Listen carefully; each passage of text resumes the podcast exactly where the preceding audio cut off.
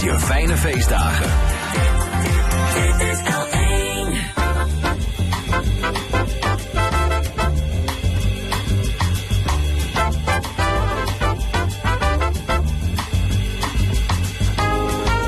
De stemming.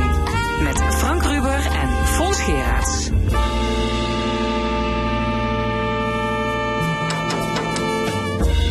Welkom bij de stemming. Vandaag met de volgende onderwerpen. Hoe kunnen we de uitbuiting van Oost-Europese arbeidsmigranten aanpakken? De waterleidingmaatschappij Limburg maakt zich zorgen over vervuiling van maaswater en grondwater. En onze geschiedenisanalist Joep Leersen over Victor de Steurs, die aan de wieg stond van onze monumentenzorg. Meer geld, mankracht en autonomie voor de Limburgse politie. Anders raakt het korps nog meer overbelast. Dat is het advies van politieonderzoeker Bob Hogeboom. En hij is de gast in het tweede uur. Dan ook een column van Jos van Wers. Het panel discussieert over het formatieproces in Den Haag, het OLS en andere actuele zaken. Tot één uur is dit de stemming. Deze week kwamen weer schrijnende verhalen naar buiten over de behandeling van Oost-Europese arbeidsmigranten. Ditmaal over een camping bij IJsselstein, gemeente Venray, waar Roemeense arbeiders in smerige staakcaravans wonen en worden uitgebuit door een werkgever. Hoe kunnen werk en huisvesting van arbeidsmigranten nu eens fatsoenlijk worden geregeld? Of moet arbeidsmigratie worden beteugeld? We gaan erover praten met Paul Geurts, voorzitter van de werkgroep Huisvesting Arbeidsmigranten in Horst aan de Maas. En ook met Wim Schrijver, VVD-wethouder te Venray. Goedemorgen. Eh, ja, Paul Geurts, u bent voorzitter van de SP-werkgroep Arbeidsmigranten. Ja, we hoorden al de zwaluw, hè, die camping Ja, ja. deze week, Ja. verschrikkelijke verhalen.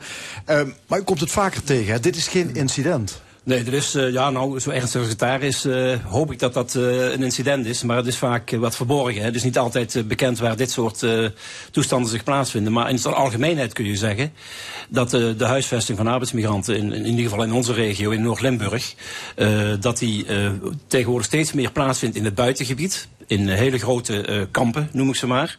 Eh, heel veel bij elkaar. Terwijl eh, gemeentes allemaal zeggen, het is heel belangrijk om te integreren. Nou, dat gebeurt dus niet. Eh, Ja, ze u- zitten buitenaf. U zegt kampen, maar wat moet ik me daar voorstellen? Als, toch Eh, in het zijn letterlijk kampen? van die kleine woonwagens, zeg maar, of containers waar arbeidsmigranten in zitten. En dan moeten dan volgens bepaalde normen. Eén persoon op 10 vierkante meter, zeg maar. Eh, terwijl eh, Roemer, eh, die heeft een onderzoek gedaan samen met zijn commissie. eh, wat er zou moeten worden verbeterd. En die zegt, het moet minstens eh, 15 vierkante meter zijn waar je op leeft. Eh, ze worden vaak met meerdere personen in die, in die container eh, gehuisvest. Eh, terwijl Roemer zegt, je moet eigenlijk één kamer hebben eh, per persoon, of een kamer hebben per persoon. Nou, dat soort adviezen die zijn er. Ja, en dat, is de huis, eh, dat is de huisvesting. Ja. Maar daarnaast worden die mensen ook nog vaak dus slecht behandeld door werkgevers. Ja, nou, je hebt eh, wat eh, vaak het geval is, is dat die arbeidsmigranten die worden opgehaald door een eh uitzendbureau in hun land van herkomst, worden dan hier gehuisvest door datzelfde eh uitzendbureau. En door dat uitzendbureau worden ze ook ergens te werk gesteld. Gaat het mis op het werk? Ben je ook meteen je huisvesting kwijt? Ja. Of omgekeerd gaat het mis op de huisvesting, bij je werk kwijt. En wat je ziet, je ziet nu dat er een enorme toename is van eh, dakloze arbeidsmigranten in Venlo, bij ons in de regio. Die eh, met onlangs nog een heel ernstig eh, incident, waarbij een uh, Litouwse arbeidsmigrant overleden is. Die bivakkeerde op een maisveld en werd overreden door een axelaar. Ja. Eh, het klopt het ook dat vaak paspoorten worden ingenomen door uitzendorganisaties of door werkgevers? Uh, of dat heel vaak gebeurt, weet ik niet. Je hebt natuurlijk uh, verschillende soorten van, van uitzendbureaus. En je hebt malafide uitzendbureaus, zo noemen ze gewoon. Gelukkig is een advies om uh, uh, uitzendbureaus te gaan certificeren. Maar dat gaat pas als het aan de, aan de regering ligt, pas in 26 in. Als het niet later wordt, want dan hangt ja. natuurlijk ook af van de huidige uh, regeringsvorming. Maar ik weet in ieder geval dat het op de zwaluw gebeurde. Dat, ja, dat, hebben is we, aangegeven. Dat, ja. hebben we, aan, dat, dat werd ja. daar verteld, ja. Um, arbeidsmigranten zijn dus op die manier heel kwetsbaar voor uitbuiting. Want bijvoorbeeld, u zei al, als ze dan zonder werk komen te zitten, dan zijn ze dakloos. Maar waarom gaan ze dan niet terug, zou je denken? Ten eerste omdat ze vaak, uh, de, het vervoer gebeurt ook door het uitzendbureau, dus, en ze hebben niet veel geld. Ze kunnen gewoon dus, niet terug. Is heel moeilijk in ieder geval. Ja. worden ze ook onder valse voorwenselen aangetrokken, bijvoorbeeld in Roemenië? Wordt hun iets ja, Er wordt er van alles voorgespiegeld, ja. hè, van, dus uh, de aardsparadijs hier in Nederland. Eh, dat valt vaak tegen. Als ze dus in, eh, in, in, in een huisvestingslocatie komen, is het allemaal veel krapper. eh, bovenop elkaar. Ook het werk, we hebben het over werk wat heel laag betaald wordt. Ja, veel En- slachterijen bijvoorbeeld. eh, ja, dat is de vleessector. Dat, we kennen dat misschien ook nog van de, van de tijd dat corona was, waar dat helemaal misging. U heeft net de zwaluw genoemd, daar gaat het vooral om mensen die werkzaam zijn in de vleessector. Maar ik bedoel, bij ons in de, in de regio is het heel erg vaak in distributiecentra waar ze moeten werken. Ja, dat zijn die grote dus, eh, hallen. Ja, Ja. waar dus, eh, ja, hele grote hallen, echt ja, eh, megadozen. Ja, ja, we kennen ze, ja. En, en waar ze dus ook gewoon heel veel onregelmatige werktijden hebben, tot heel veel uren moeten maken.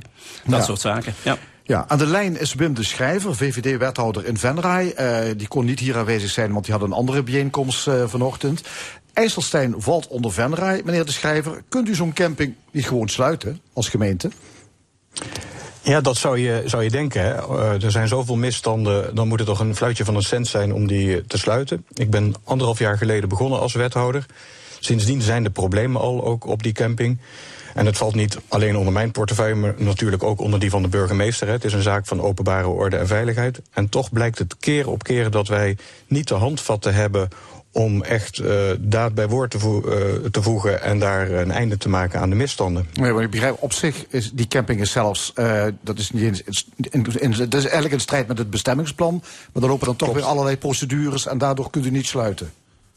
Ja, we hebben onze regelgeving in Nederland zo ingericht dat initiatiefnemers altijd weer bezwaren en zienswijzen kunnen innemen. Deze partijen hebben ook een, eh, zetten ook een leger aan eh, advocaten in, zeg maar, om alles eh, wat we proberen om dat aan de tand te voelen. En dus is het vrij moeilijk, blijkt in de praktijk, om zo'n camping te sluiten. Ja. wil niet zeggen dat we opgeven, overigens. Nee, in, in Venray is één op de drie mensen die werken, werknemers, dat zijn arbeidsmigranten. Dat is best veel. Nou, bent u, nu heeft u een beleidsplan opgesteld. Het is voor het eerst dat u zich richt op arbeidsmigranten. Is dat niet gewoon veel te laat? Ja, wat mij betreft wel. Hè. Ook in het rapport eh, van Roemer, wat net al genoemd eh, is, wordt ook aanbevolen dat alle overheden een beleid zouden hebben, moeten hebben voor internationale medewerkers. Ja, waarom had u het nog niet in Venray? kan aanspreken. Pardon? Waarom had u dat nog in Venray dan nog niet? Wat mij betreft had dat veel eerder moeten, moeten gebeuren. Ik denk dat het eh, wel niet losstaat. Ik denk dat alle stakeholders eh, hun verantwoordelijkheid moeten nemen. Hè, zoals net al gezegd werd, ook werkgevers, huisvesters, uitzenders. Die hebben allemaal een verantwoordelijkheid. Want alleen als overheid alleen sta je ook machteloos, hè, zoals net al geduid werd. Ja, u gaat in dat plan, er staat van alles in, maar laten we eerst even kijken naar de huisvesting. U wil de komende vier jaar 1500 woonplekken gaan realiseren voor arbeidsmigranten. Ehm, ja, waar moeten die komen? Ja, kijk, in de eerste plaats is het natuurlijk zo dat we het net hadden over onvergunde en zelfs onacceptabele eh, situaties. Op het moment dat je zegt dat het ergens niet kan, moet je als overheid ook wel de verantwoordelijkheid nemen door te zeggen waar kan het wel en hoe kan het dan wel en onder welke voorwaarden. Dus wat we nu gedaan hebben is in eerste instantie een kader geschetst. Waar kunnen die mensen landen? En ik wil graag aanvullen op de opmerking van meneer Geurts... dat eh, internationale medewerkers alleen onvergund in het buitengebied zouden zitten. Dat is zeker waar. Maar het speelt zich ook af in de woonwijken. Waar huizen worden gehuurd en waar vaak veel eh, arbeidsmigranten... te veel voor zo'n woning op een onacceptabele manier gehuisvest zijn. Ja, wat, wat zou u Wat- dan kunnen realiseren? Wat kunt, kunt, kunt u later realiseren in Venray voor die 1500 plekken? Nou, je zou bijvoorbeeld bij eh, werkgebieden, denk aan, aan de randen van industrieterreinen, ruimte daarvoor kunnen inrichten om op een acceptabele manier met al die eh, woon- en leefklimaatnormen die net ook al genoemd zijn, door initiatiefnemers eh, huisvesting te laten realiseren. Ja, dat mag, las ik, eh, maximaal 750 mensen op één plek mocht dat worden. Ehm, ik, ik begrijp dat de gemeenteraad niet zit te wachten op zo'n massale ehm, huisvesting. Nou, het gaat niet zozeer om dat getal van 700 op één plek. We hebben geen, eh, we hebben geen lage maxima genoemd, maar 700 is geen doel op zich. Als op een bepaalde plek 100 passend is, bijvoorbeeld vanwege eh, de grootte van het dorp wat in de buurt is, of vanwege het industrieterrein wat in de buurt is, dan moet je het ook niet groter maken dan 100. Alleen om aan de voorkant al eh, lagere maxima te gebruiken, zou het ook zonde zijn om een kans waar het wel zou passen eh, met een wat groter aantal eh, internationale medewerkers, moet je dat niet beperken. Nee, maar ja, de gemeenteraad heeft deze week al een rem gezet op de plannen om in het buitengebied, op een bepaalde plek, dat heeft maar gezegd, maximaal 400 en meer mag niet. Dat, men vreest blijkbaar grote wooncomplexen. Ja, en, en dat is, die zorg snap ik ook wel. Want ook, ook nu zie je dat er eh, onvergunde en onbeheerste situaties, hè, wat we in de toekomst wel willen, best wel zorgen ook voor overlast en onbegrip bij onze inwoners. Ja. Paul Geurts van de SP-werkgroep Arbeidsmigranten hier aan tafel. Wat vindt u van de plannen van Venray om dit soort wooncomplexen om die te gaan realiseren voor arbeidsmigranten? Ja. Nou, ik hoor, ik- wat er feitelijk gebeurt is dat er achter eh, de feiten aangelopen wordt, eh, ook in Venray. Eh, in feite wordt er nu iets geregeld aan het einde van de pijp. De arbeidsmigranten zijn hier. Je zou veel meer nadrukkelijker moeten kijken van... kunnen we gewoon een keer een einde maken aan, aan de toestroom van arbeidsmigranten. Ehm, als je eh, kijkt naar eh, andere gemeenten in, in, Noord-Limburg... en dan gaat het over mijn eigen gemeente, Horst en de Maas...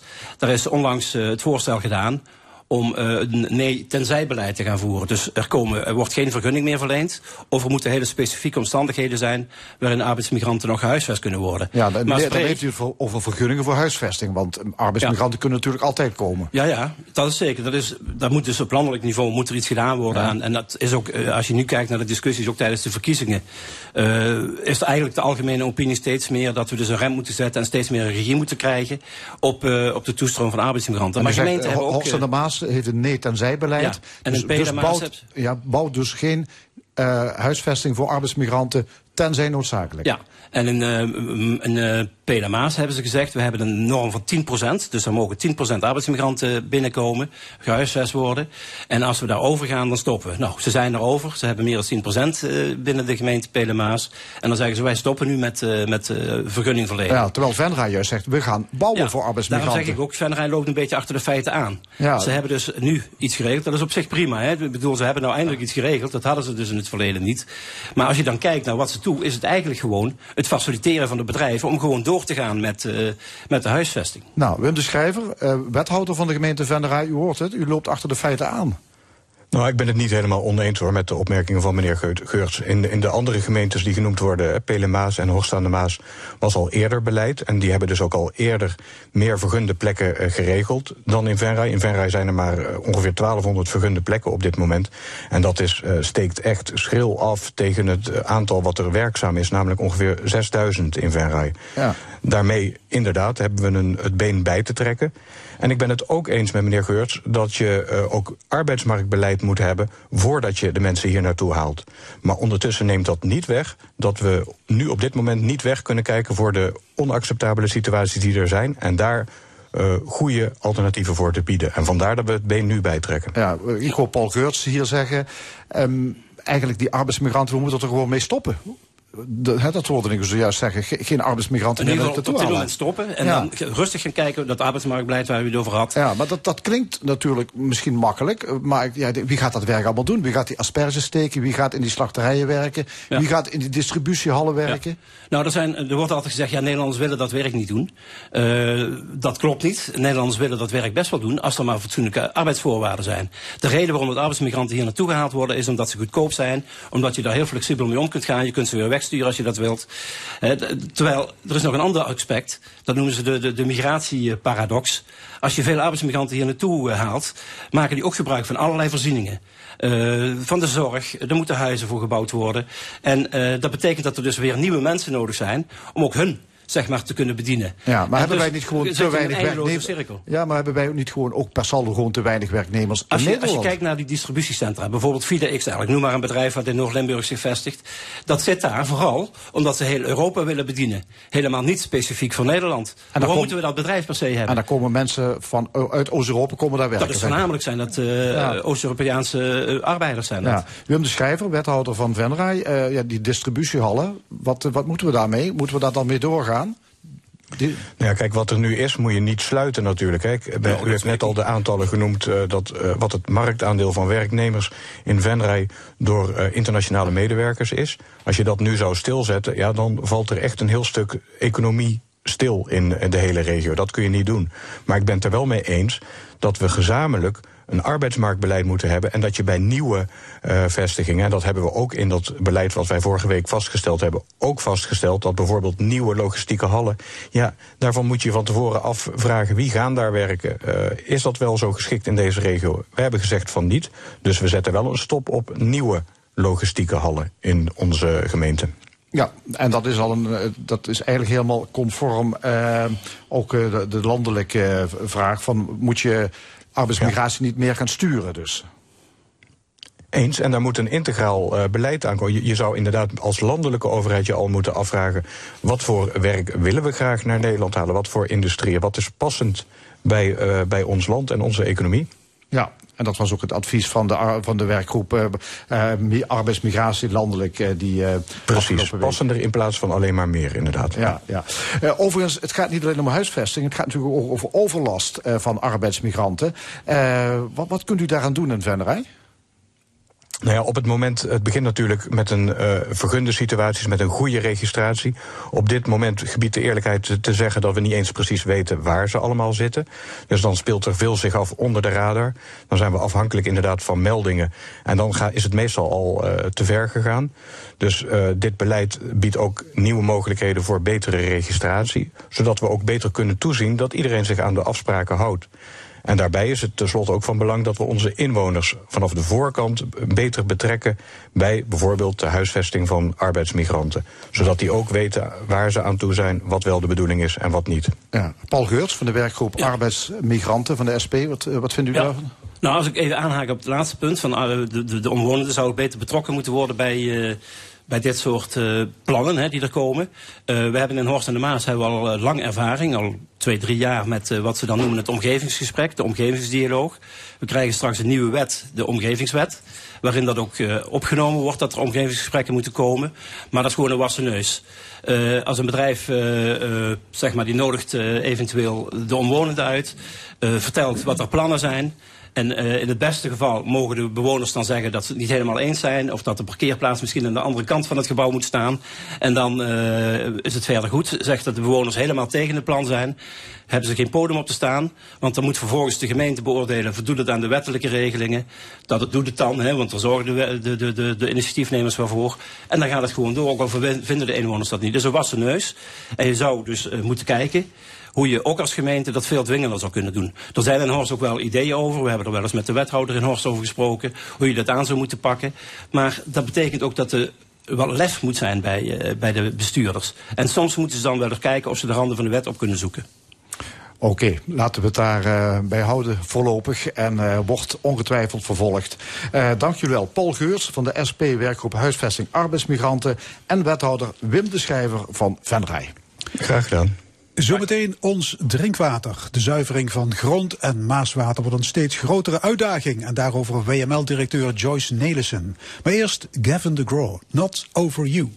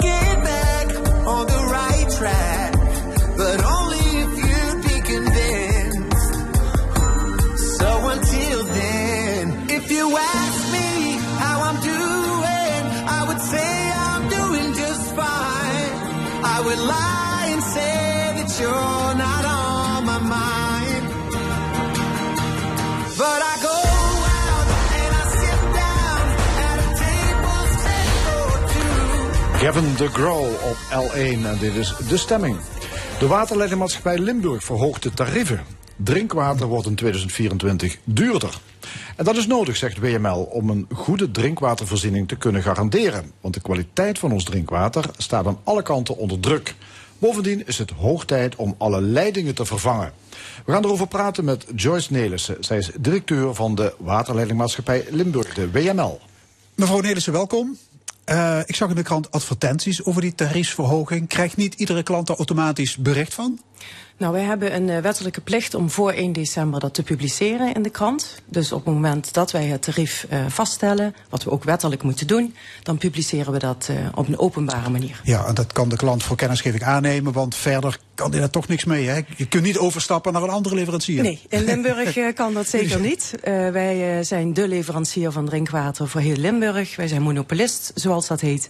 En wij hebben een wettelijke taak om enerzijds drinkwater te leveren, maar dus ook om elk jaar het tarief vast te Ja, water wordt 7% duurder. Ja. En dat betekent dat een gemiddeld gezin in 2024 17 euro 22 per jaar meer gaat betalen. Dat is te overzien, hè? Dat is te overzien. Dat is 1,44 euro per maand. Ja. En, Eén boven- rondje op het terras. En, eh, Nog een halve, hè. Zo, eh, het is veel duurder tegenwoordig. Maar ten opzichte van alle andere stijgingen waar de inwoners natuurlijk mee te maken hebben, zijn wij blij dat dit relatief een eh, nou ja, lage verhoging is. En jullie hebben extra geld nodig om onder andere alle waterleidingen te vernieuwen. Ja, maar Want die zijn aan het einde van zijn Latijn? Nee, zeker niet. Maar daarvoor verhogen we de tarieven niet. Laat ik dat even uitleggen. Wij ehm, hebben een wettelijke leverplicht. En wij hebben onze kosten die wij daarvoor maken, moeten wij doorbelasten in het tarief. Ja. Eh, dus de gemaakte kosten rekenen wij door. En die worden dan vastgesteld als zijnde nieuw tarief. Oké, en die vernieuwing van die leidingen? Die vernieuwing van die leidingen, dat is eigenlijk een permanente investeringsopgave die WML heeft.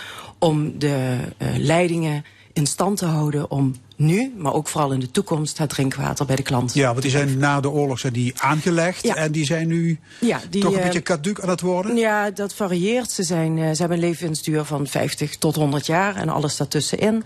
En wat we doen is aan de hand van een saneringsplan eh, gefaseerd en gedoseerd ehm, de leidingen vervangen, vernieuwen.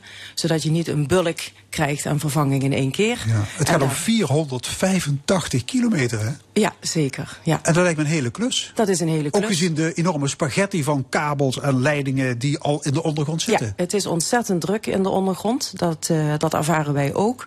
Ik denk dat we het voordeel hebben dat wij eh, in een verband met Enexis veel samenwerken. Dat noemen we het Senfra-verband. En daardoor gaan we dan één keer de grond in als Enexis erin gaat en wij. Dat scheelt in ieder geval de overlast, maar ook een beetje de drukte om goed op elkaar af te stemmen. Ja, en dat levert weer een hoop werk op voor Oost-Europese arbeidsmigranten, Polen, Roemenen. Bij ons niet, bij Nee? WML niet. Nee. Wij hebben heel veel Limburgse medewerkers. Oké. Ja. Eh, mevrouw Nelissen, waar komt het Limburgse drinkwater vandaan? Ja, dat varieert. Eh, wij hebben eh, onze bronnen, en het zijn niet onze bronnen, maar ze zijn van de natuur. Eh, voor 75% gebruiken wij grondwater, verspreid door Limburg. En wij gebruiken een kwart van het Maaswater. Ja. En een groot probleem voor jullie is de vervuiling. Hè, Er Absoluut. wordt bijvoorbeeld veel chemische troep in de Maas geloosd. Ik Ja. denk aan Gemmelot. Moeten de vergunningen eigenlijk niet veel scherper? Ehm, ja, eh, een vergunning afgeven is één, maar toezicht houden is nog veel belangrijker. Het naleven van de vergunning. Dus wat wij merken is een stijging van eh, vervuiling in de Maas, onder andere. Dat komt niet per definitie van Gemmelot af, wil ik daarbij zeggen, want de Maas kent zijn oorsprong in Frankrijk. Ja, en Dus wij België, hebben- daar wordt ook van alles in die Maas ja. gekieperd. En daar hebben jullie geen. Ja, Nou, wij hebben kunnen jullie dus- niks aan doen. Eh, eh, het in het eh, water kiepen, daar kunnen wij niets aan doen. Wat wij wel kunnen doen is samen met Rijkswaterstaat de lozer opsporen. dat doen wij in gezamenlijkheid.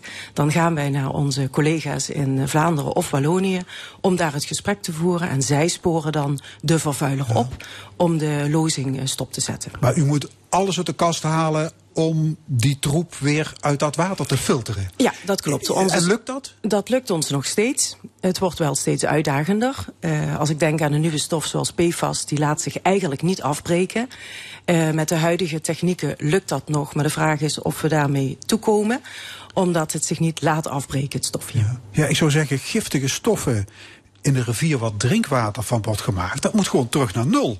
Ik ben het helemaal met u eens. Wij gaan ook voor een absoluut totaalverbod als het gaat om PFAS. Dat is ook onze inzet in Europa, maar ook landelijk. Omdat wij zeggen wat er niet in komt, dat hoeft er ook niet uit. Ja. Heel simpel. Ander punt, we hebben de laatste jaren veel last van droogte. Dan staat de Maas eh, extreem laag. Hè. Dan kun je zelfs van de ene oever naar de andere oever lopen. En dat maakt de concentratie schadelijke stoffen nog groter. Klopt, ja. Op het moment dat de Maas een hoge stand kent, dan verdunt die als het ware die stoffen. In eh, droge periodes gebeurt dat dus vele malen minder. En daardoor hebben wij ook veel meer last dan in droogte van kwaliteitsproblemen van de Maas. En moeten we een innamestop eh, doen. Is de Maas een rioolputje? Nou, dat zou ik niet willen zeggen, maar we hebben wel veel meer last dan vroeger van vervuiling. En het wordt steeds erger en we zullen daar met elkaar, en dat bedoel ik nou, alle verantwoordelijken die aanlozen, maar ook eh, bevoegde gezagen die vergunningen afgeven, daar echt wel eh, strenger en strikter in worden. Vandaar ook de KRW-richtlijnen om die kwaliteit van oppervlaktewater eh, nou ja, te gaan realiseren. Hoe vaak hebben jullie vorig jaar de inname van Maaswater moeten stoppen? Wij hebben in totaal 38 keer eh, de inname eh, gestopt. 38 keer. 38 keer. En de duur is dan ruim 200 dagen geweest. Dat En kan een dag zijn en dat kunnen meerdere dagen Ja, zijn. is er voldoende reserve? Ja, wij werken in, eh, in heel, praat ik dan over, met een bekken, de Lange Vlieter. Daar hebben wij afhankelijk van het seizoen twee of drie maanden voorraad aan water. Ehm, dus daar kunnen we wel mee toe. Maar af en toe wordt het spannend. En het wordt dus steeds spannender hoe lang we daarmee toe kunnen. Ja, en niet alleen de Maas is vervuild. Jullie treffen in toenemende mate ook vervuiling aan in het grondwater. Absoluut. Hè, dat is 70% zeg maar van... Ja, drie kwart gebruiken we grondwater. Ja. En dan hebben we het over nitraat en, Onder andere. en andere ja, stoffen. Ja, dat klopt. Nitraat, ehm, ehm, ehm, eh, gewasmiddelen. Hè, van, en dat van, komt van boeren die royaal het land besproeien met Dat- dat- en, en andere andere. stoffen. Onder andere. En ook PFAS zien we al eh, eh, terugkomen in de grond. Ja. Dus eh, ja, daar, eh, daar wordt het niet beter op. en daar ook, zijn ook, we... ook medicijnresten zitten in het grondwater. Ja. En die hoeveelheid neemt toe? Eh, we zien gewoon een, overal een stijging van de vervuiling van grondwater en oppervlaktewater. Ja. Hoe komen die medicijnresten erin? Nou ja, dat is, dat is ook gewoon het menselijk gebruik. Hè? We gebruiken medicijnen en we gaan er niet altijd even netjes mee om. En de bevolking vergrijst. Vergrijst. Er ja, worden meer medicijnen medicatie gebruikt, dus er komt meer... Ja. ja. Oké, daar kun je ook weinig aan doen. Nee, bang. dat, is, eh, dat zeg ik wel eens. eh, eh, wij zijn soms de ongelukkige afhankelijke. Want wij hebben het te doen met alles wat zich aandient. En wij hebben toch die wettelijke leverplicht... om een constante, betrouwbare kwaliteit van drinkwater te leveren. Dus we worden behoorlijk uitgedaagd. Maar dat lukt ons nog steeds heel goed. Jullie hebben 85 grondwatermeetpunten in deze provincie. En jullie zien dat die data, die, die worden niet beter. Integendeel. Nee. Ja, integendeel. Ja, ja. Hmm. En gelukkig hebben we die data. Hè? Want dan kunnen we het tenminste zien en monitoren. En daar eh, nou ja, eh, verstandige besluiten over nemen. Maakt u zich zorgen over de beschikbaarheid van kwalitatief goed drinkwater in de toekomst? Ehm, ja, op termijn wel. In Nederland zijn er al drie drinkwaterbedrijven die op dit moment gewoon schaarste kennen. Hè, die gewoon echt eh, krap zitten in hun bronnen. In Limburg is dat gelukkig nog niet aan de orde. Maar wij zijn ook altijd met de toekomst bezig. Dus wij plegen investeringen nu om klaar te zijn voor de toekomst. Want we zijn een bedrijf wat 24-7 drinkwater levert en de problemen oplost. Maar we zijn ook een bedrijf wat dus met de toekomst bezig is om de infrastructuur van onze leidingen en onze locaties en installaties op orde te houden. Ja, u refereerde net aan dat RIVM-rapport, waarin staat dat drie van de tien Nederlandse drinkwaterbedrijven tegen hun grenzen aanzitten. Ja. Dus WML zit nog niet in die Nee, gevarenzone. Gelukkig, ehm, zeg ik daarbij. Dus tot 2030 eh, kunnen, kennen wij die problemen nog niet. Maar eh, ik denk dat wij wel vanuit kwaliteit, eh, kwaliteit hebben wij wel onze problemen. Zeker omdat wij ook van de Maas drinkwater maken. Ehm, maar nogmaals, eh, wat nu niet is, kan wel komen. Dus wij zijn altijd bezig weer vooruit te kijken en nu investeringen te plegen.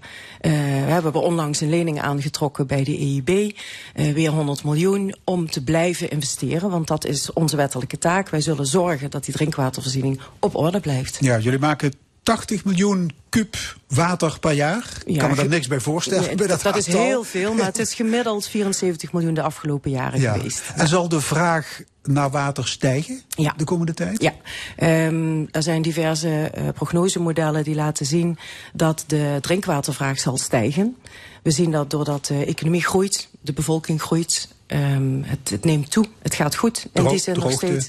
Eh, droogte eh, is een feit, zal ook niet meer snel weggaan. Tegelijkertijd hebben we natte zomers, maar de drinkwatervraag zal stijgen. Ja. In mei kwamen jullie met een publiekscampagne rustig aan met de kraan. Dat klopt. Dus ook de consument moet bewust worden gemaakt. Ja, ehm, als we vaststellen met elkaar dat de drinkwatervraag zal stijgen, dan kunnen we daar eh, gezamenlijk aan werken door bewust met drinkwater om te gaan, zodat we meer overhouden voor de toekomst en voor later.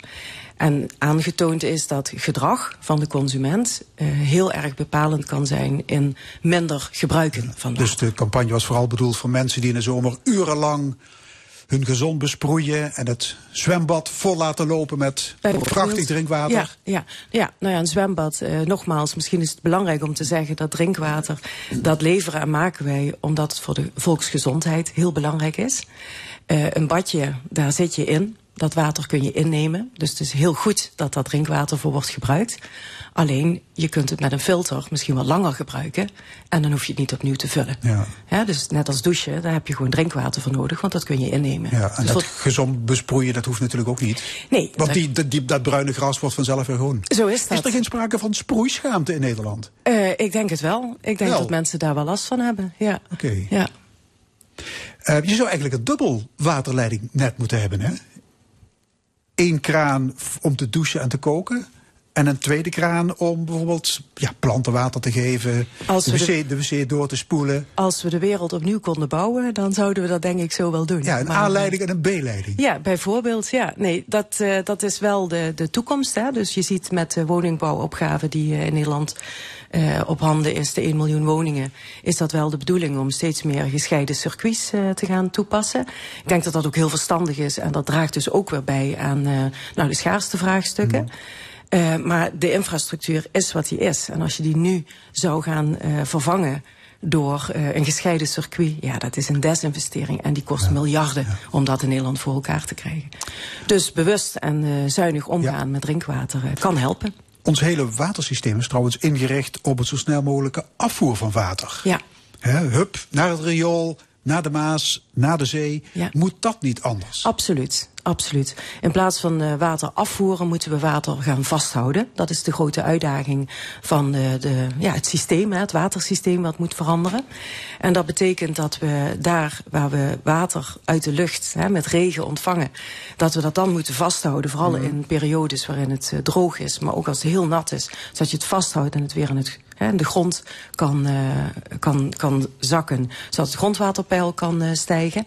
En eh, daar zijn echt fundamentele ingrepen voor nodig in, in het landschap. Ja, fundamentele ingrepen omdat er dat verleden kapitale fouten zijn gemaakt. Nou ja, fouten. Dat was vroeger de intentie om vooral veilig te zijn van overstromingen. Dus zorg maar dat het water zo snel mogelijk naar zee gaat. Ja, de boeren vonden dat ook niks, die hoge waterstand. Nee, Dus precies. die, dus er zaten allerlei andere redenen waren toen van belang om het te doen zoals we het jaren hebben gedaan. En nu door de klimaatverandering is het ontzettend belangrijk om het gewoon langer en beter eh, vast te houden. Ja. Mag WML net zoveel water winnen als jullie willen? Nee, wij werken met vergunningen van de provincie.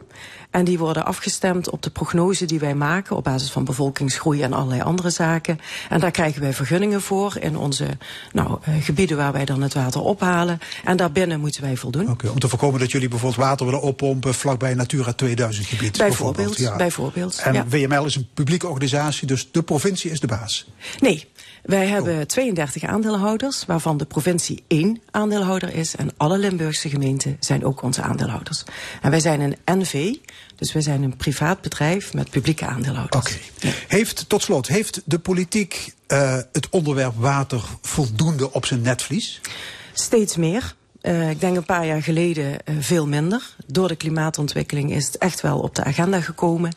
En eh, nu met de brief Water en Bodem Sturend, die toch wel leidend is voor de inrichting van Nederland en bijvoorbeeld de watertransitie van het systeem, denk ik dat het nu voldoende helder op het netvlies is. En zoals u al zegt, het RIVM-rapport geeft voldoende aan dat het in drie regio's in het land al niet meer goed gaat.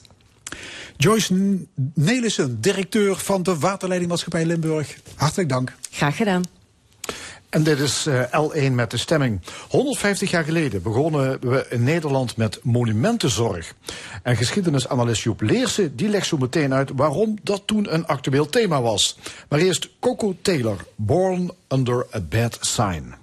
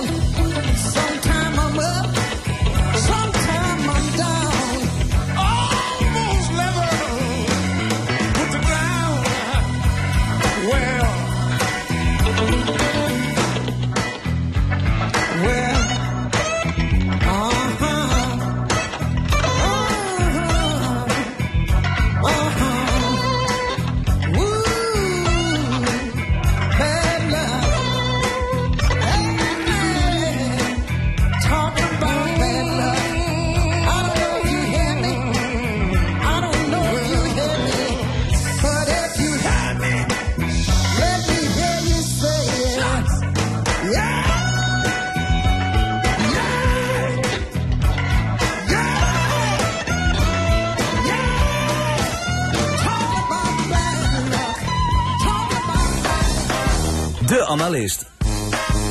Vandaag met geschiedenisanalist Joep Leersum. Goedemorgen, Joep. Goedemorgen. Goedemorgen. Ja, eh, goedemorgen. Ja.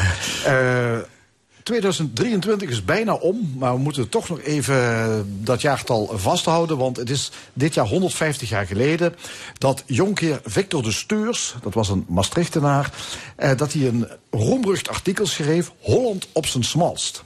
En die eh, de Steurs, ehm, ja, dat was een belangrijk man, want je kunt hem eigenlijk beschouwen als een voorloper van de monumentenzorg in Nederland. Hè. Hij gaf met dat artikel een soort startschot. Het was een, een protest. Eh, ja, misschien moet je eens even uitleggen wat, wat er aan de hand was.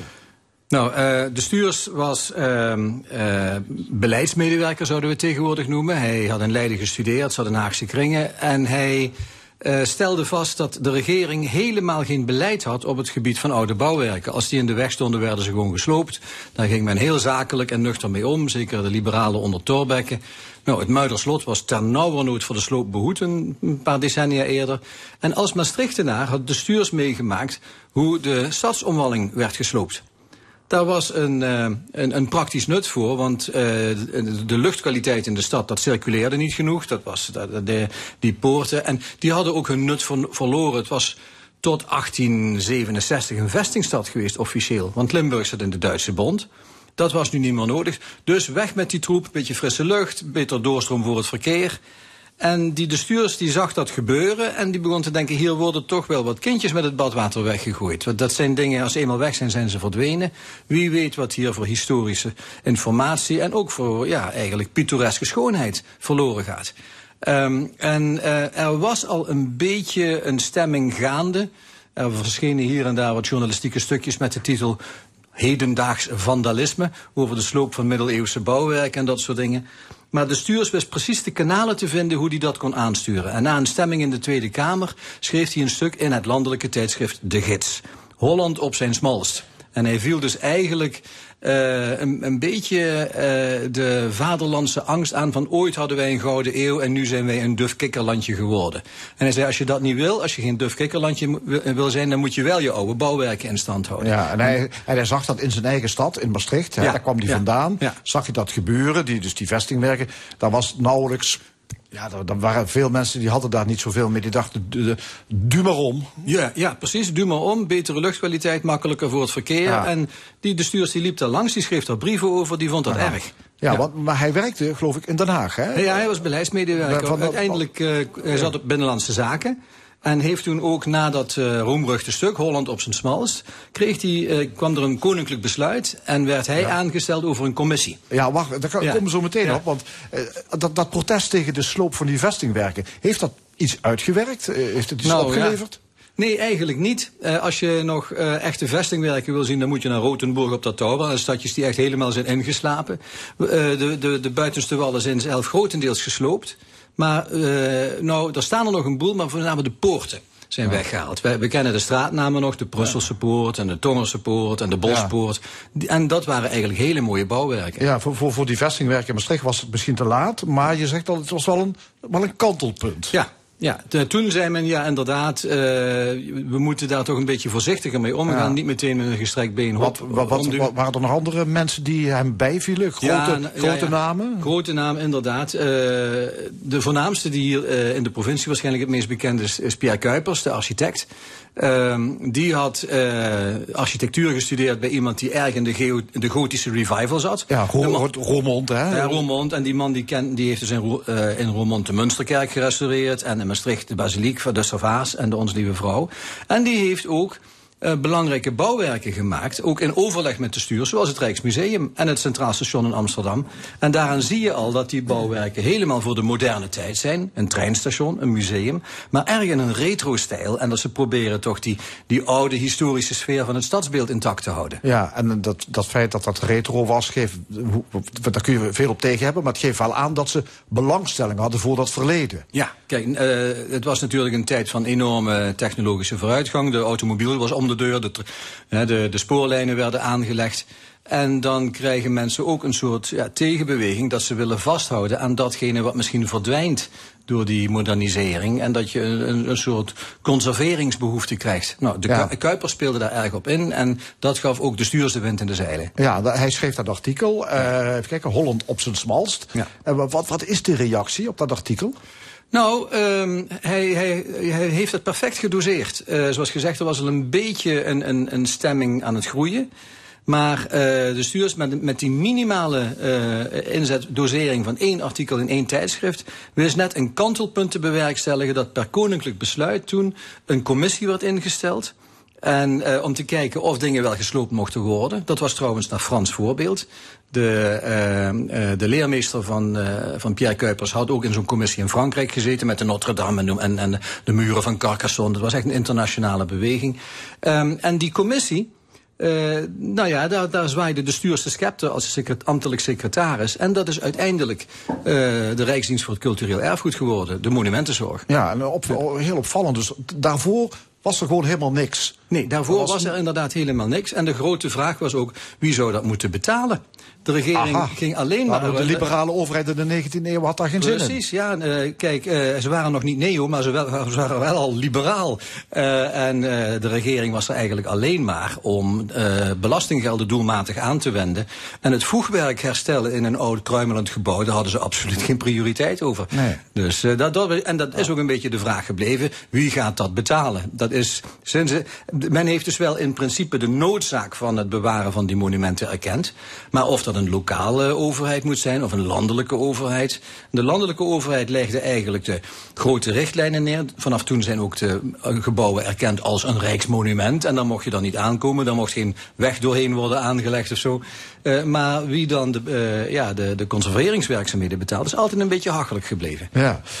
Toch even terug naar die vestingwerken in Maastricht. Dat was wel leuk. Want eigenlijk begon, kun je, kun je zeggen dat 150 geleden onze zorg voor monumenten misschien is ontstaan door een wandeling van de stuurs over die, die wallen in, in Maastricht. Eh, jij zegt, ja, die zijn kwam grotendeels te laat. Maar van de andere kant, ik zie nog heel veel Ja, stadsopwalling nou ja, dankzij de stuurs zijn die wallen toen ook echt eh, hebben een symbolische waarde gekregen als erfgoed. Maastricht was natuurlijk een beetje een afgelegen stadje. Er waren steden als eh, Leiden eh, sponnen veel meer garen in de nieuwe staat als universiteitsstad. Maar wat had Maastricht nou helemaal? Nou, wat ze hadden was oude bouwwerken. En toen, eh, vlak na de stuurs zie je ook het toerisme op gang komen. Dat begint met pelgrimages zoals de heiligdomsvaart, die in die jaren ook wordt hersteld. En men beseft, mensen komen dit bekijken. Dit is, dit is een attractie. Ja. En eh, op, vanaf dat moment heeft men ook in, in Maastricht, is dat men dat gaan koesteren als de allure en de symbolische uitstraling van de stad. Waardoor die stad eigenlijk wel, ja, eh, niet echt financieel, maar wel qua eh, culturele status een beetje op, ophoging kon krijgen. Ja, en we hebben nog ik, de Helpoort. Ja. En we hebben nog Poort waarachtig, hè? Ja, Die is ook oeroud, geloof ik, hè? Ja, ontzaglijk. Die hebben we ook aan de stuurs te danken. Maar inderdaad, je loopt door die, die twee poorten liggen een beetje vlak achter elkaar. In de twee Hè. Maar die, eh, de poort waarachtig is eigenlijk een poort die door de stuurs is verzonnen. Want eh, ja, die... Dat was helemaal geen poort. Dat nee, was gewoon een muur. En eh, dat, dat Villapark werd gebouwd, maar ze moesten wel de binnenstad in kunnen. En om toch een doorgang te creëren, is in 1888 de poort waarachtig aangelegd. Dus, Dit is gewoon Efteling. het is gewoon namaak. Ja, het is inderdaad eh, Eftelingwerk. En eh, dit is misschien aardig voor, de, voor de luisteraars om te beseffen. Als je door een stad loopt en je ziet ergens kantelen staan... is het meestal 19e eeuwse namaak. Kantelen die zijn heel, heel zeldzaam in de middeleeuwen. Maar in de 19e eeuw werden overal kantelen opgepleurd. Want dan zag het er een Ivanhoe-achtig uit en dat vonden ze leuk. Ja. Die stonden ook op de poort waarachtig. Maar die zijn in de jaren 30 zijn die naar beneden gedonderd. Want het was niet zo'n goed bouwwerk. Ja. En de stuurs had ook echt originele oerschietgaten eh verzonnen in die poort waarachtig. Alleen de, de aannemer had ze ondersteboven aangebracht. maar het grote publiek vond het prachtig. Dat is een gotisch spitsboogje waar je doorheen loopt. En mensen zeggen, oh Maastricht, wat is dat toch oud en middeleeuws allemaal. Dus eh, ze zien Ja. het verschil niet tussen echt middeleeuws en eh 19e eeuwse neogotiek. Ja, wa- waarom deed hij de stuurstad? Want dat, wel, hij kwam op voor, eh, voor, de... eh, Voor het belang van, van die, die geschiedenis, voor hè, de oudheid van Ja. die wal. Ja. En dan gaat hij daar zo'n kitscherig poortje maken. Ja, ik denk dat het. eh, ik denk dat de gedachtegang moet zijn geweest. Als je dan toch die mooie wal moet doorbreken. Doe het dan tenminste op zo'n manier dat het niet echt een stijlbreuk is. Dus probeer dat zoveel mogelijk in die stijl van toen te laten. Alleen hoe men zich in 1880 de middeleeuwen voorstelde, dat was Ivanhoe, dat was heel anders. dus we hebben dan eigenlijk een soort neogotiek. Ja, En ja, ja, het- over, over zijn vriend eh, Kuipers, die kon daar ook wat van. Hè? Ja, Die, eh, die interpreteerde zelf ook wel hoe hij dacht dat die middeleeuwen eruit hadden gezien. Absoluut, En- die maakt het veel middeleeuwser dan de middeleeuwen ooit zijn geweest. Dus daar Ja, er nog een dikke laag eh, authenticiteitsmayonaise Ja. overheen gelegd. die, die En, twee eh, torens van de Münsterkerk, dat is ook allemaal verzinsel. Ja, Dus- en die, eh, de, extra spits van de Servatie is afgebrand en zo. En dat, dat klopt. Mensen ma- we- wilden de middeleeuwen restaureren zoals ze dachten dat ze ooit geweest hadden moeten zijn. Ja, maar goed, we hebben er wel toch aan te danken dat heel veel bewaard is gebleven door Ja. dat eh, initiatief. Ehm alho- alhoewel, ja, die, Ja, die stadswal die ligt nu ook in de Ja, vernieling. precies. Als je door de Nou, poort waarachtig loopt, dan eh, wordt de aandacht niet getrokken door die eh, missende kantelen, maar de hele stadswal is onder, Ja. omlaag Ja. gedonderd. En ja, als ik daar langs loop, dan denk ik soms. Misschien heeft de stuurs daar een steentje aan bijgedragen. Want dat is toch een verzwakking geweest van het geheel. En dankzij de stuurs, en door het feit dat dit een attractie is geworden, werden die stadsomwallingen een heel geliefd wandelingetje. En daar zijn dus echt miljoenen mensen overheen gelopen. En die hebben die, die, die, die zaken aangestampt. En ik denk dat eigenlijk door van een oud bouwwerk een toeristenattractie te maken, dat de mensenstroom ook eh, de tand destijds een handje heeft geholpen. Dus dat, Ja. dat is het prijskaartje dat aan, het, eh, aan de conservering van de stuurs hangt. Ja, we hebben, we hebben monumenten ontdekt 150 jaar geleden. Die vonden we mooi. Mhm. Het heeft toeristen gelokt naar Maastricht, maar ook naar Venetië, Amsterdam en dergelijke. Die, die steden die bestaan dankzij hun monumenten, trekken ze toeristen aan. Maar het is, ja, het is dat heel is- vreemd. Maar nu lijkt het bijna de ondergang van bepaalde steden Ja, te dat worden. is, de, dat is de achterkant van de, de, omge- de, de keerzijde van de medaille, zou je kunnen zeggen.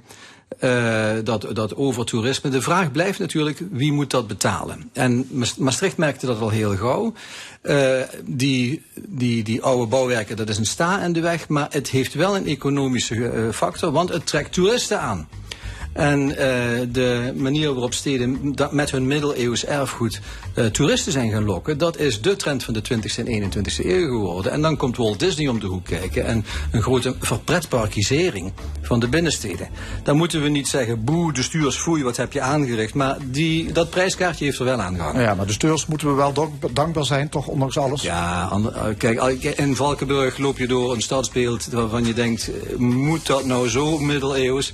An, van de andere kant, als er een lelijk 60er jaren kantoorgebouw had gestaan, was het ook niet leuk geweest. Dus dat Ja. wel zeker historisch besef is, eh, mogen we hem dankbaar voor zijn. Dankjewel, Jonkheer Ja. de Stuurs. En eh, dankjewel, Joep Leersen. Straks in de stemming wetenschapper Bob Hogenboom. Hij lichtte de Limburgse politie door en komt met een serie aanbevelingen om het korps op te kalafateren. Verder een column, een discussiepanel en nog veel meer. Blijf luisteren. Tot zometeen.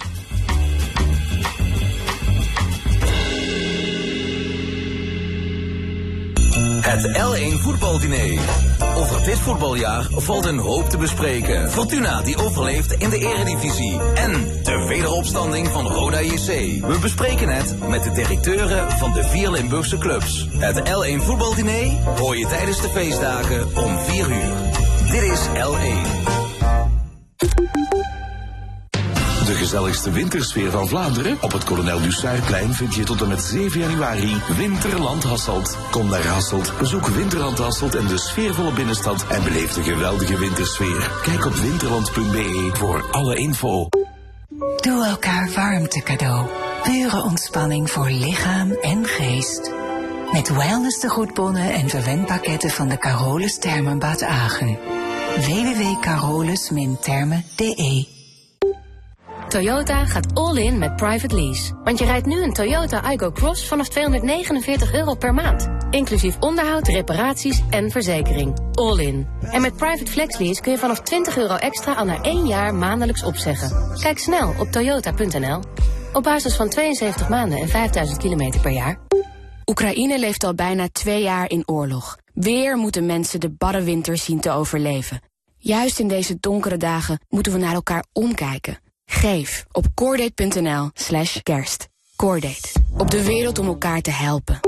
Duurzaam beleggen. Dat is toch alleen voor grootverdieners, zul je misschien denken? Maar gelukkig kan duurzaam beleggen ook met minder grote bedragen. Met 20 euro kun je namelijk al beginnen. Ga naar asnbank.nl en beleg je geld op een duurzame manier. Zo maakt geld gelukkig. ASN Bank. Let op, met beleggen loop je risico en maak je kosten. Je kunt je inleggen of een deel daarvan verliezen. Welkom bij Snow World, het skigebied van hier. In ons skigebied ligt er verse sneeuw vanaf 0 meter. Snowworld.com, bergen vol plezier. Ontdek alles wat je nodig hebt voor de feestdagen op de vierde verdieping bij Berden in Heerlen. Van een spannend boek bij boekhandel Dominicane tot hoogwaardig kookgerei bij Versloot. Of even ontspannen bij lunchcafé Ambiance of Coffee Lovers bij Berden in Heerlen. Dit is L1 met het nieuws van 12 uur. Ties van Kesteren met het NOS-journaal. Dit weekend waren er in het land zeker negen explosies. Het gaat om ontploffingen in onder meer Den Haag, Rotterdam en Almere. Niemand raakte gewond, wel zijn meerdere woningen en bedrijfspanden beschadigd. In alle gevallen zijn de daders voortvluchtig en zoekt de politie getuigen. Een woordvoerder van de politie Rotterdam zegt dat er vooralsnog geen verband is tussen de incidenten. Vrijdag werd bekend dat het aantal explosies het afgelopen jaar bijna verdrievoudigd is. Het zijn er nu 622. Aan de grens tussen Oekraïne en Polen is een Oekraïense vrachtwagenchauffeur overleden. Dat meldt de Oekraïense media. Hoe de man is overleden is niet bekend. Bij de grens is het al tijden onrustig, omdat Poolse transportbedrijven de grensovergang blokkeren. Ze zijn boos op de EU, omdat Oekraïense chauffeurs geen vergunning meer nodig hebben. En daardoor lopen de Poolse chauffeurs inkomsten mis. De Surinaamse oud-president Desi Bouterse heeft zijn aanhangers toegesproken. Daarin riep hij op tot kalmte, maar hij waarschuwt tegelijkertijd de rechters ook voor onrust. Woensdag is uitspraak in het hoge beroep over de decembermoorden... waar Bouterse en vier anderen verantwoordelijk voor worden gehouden.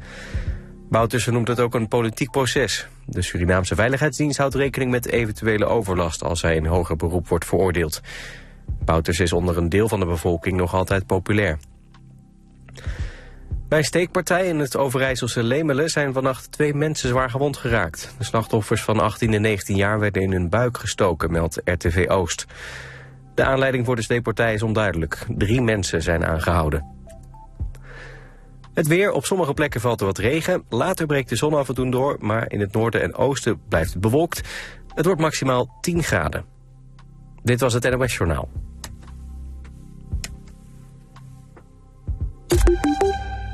Prachtige merken, vakkundig personeel. Frisse groentechniek, het beste voor buiten.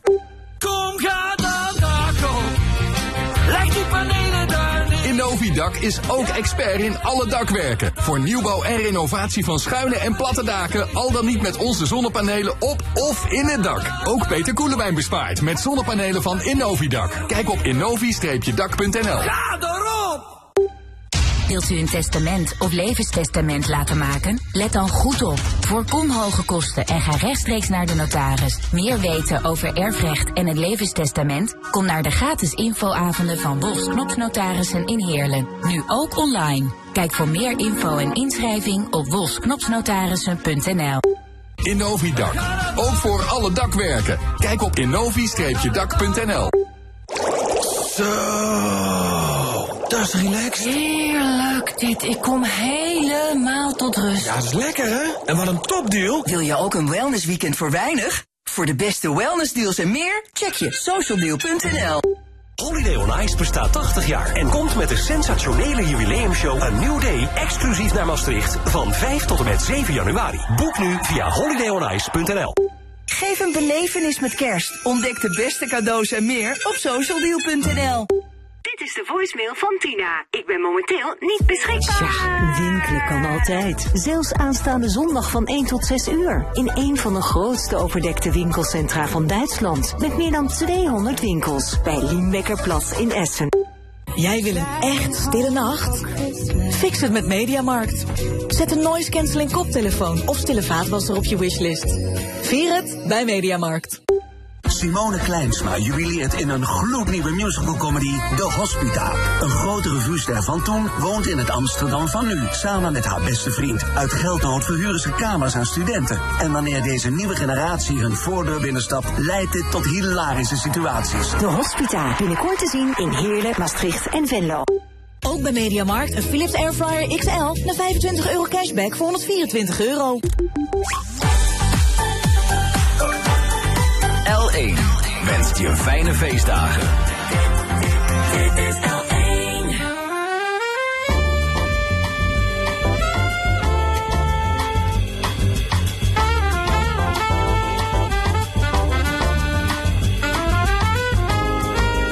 De stemming met Frank Ruber en Fons Geraerts.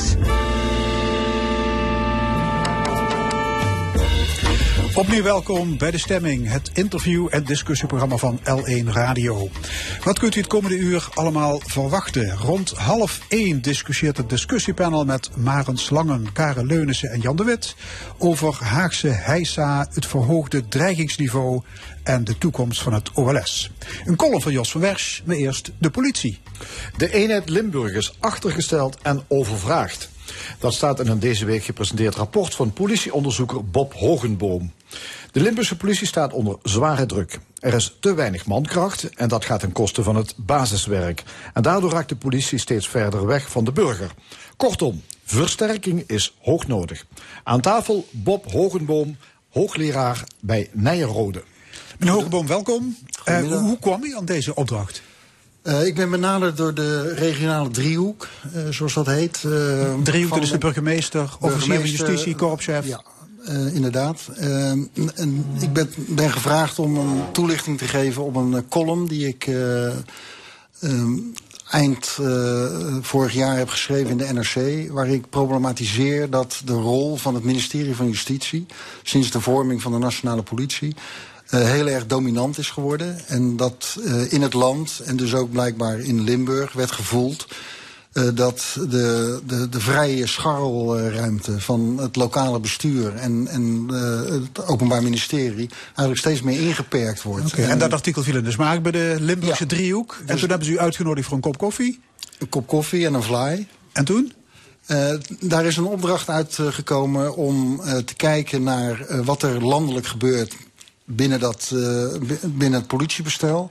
Wat de rol van de minister is geworden. Maar eigenlijk de kern van het rapport is ook hoe werkt dat uit in Limburg? Wat merkt Limburg nu uh, van die toenemende beleidssturing uh, en, en geldstromen die misschien niet meer naar de basiscapaciteit gaan, maar naar allerlei andere onderdelen van het politiewerk, ja. meer op nationaal niveau. En dat was uw opdracht om dat eens goed uit te vogelen, Juist. op te schrijven. Oké. Okay. Uh, er wordt vanuit Limburg al een tijd lang gelobbyd voor meer politiecapaciteit.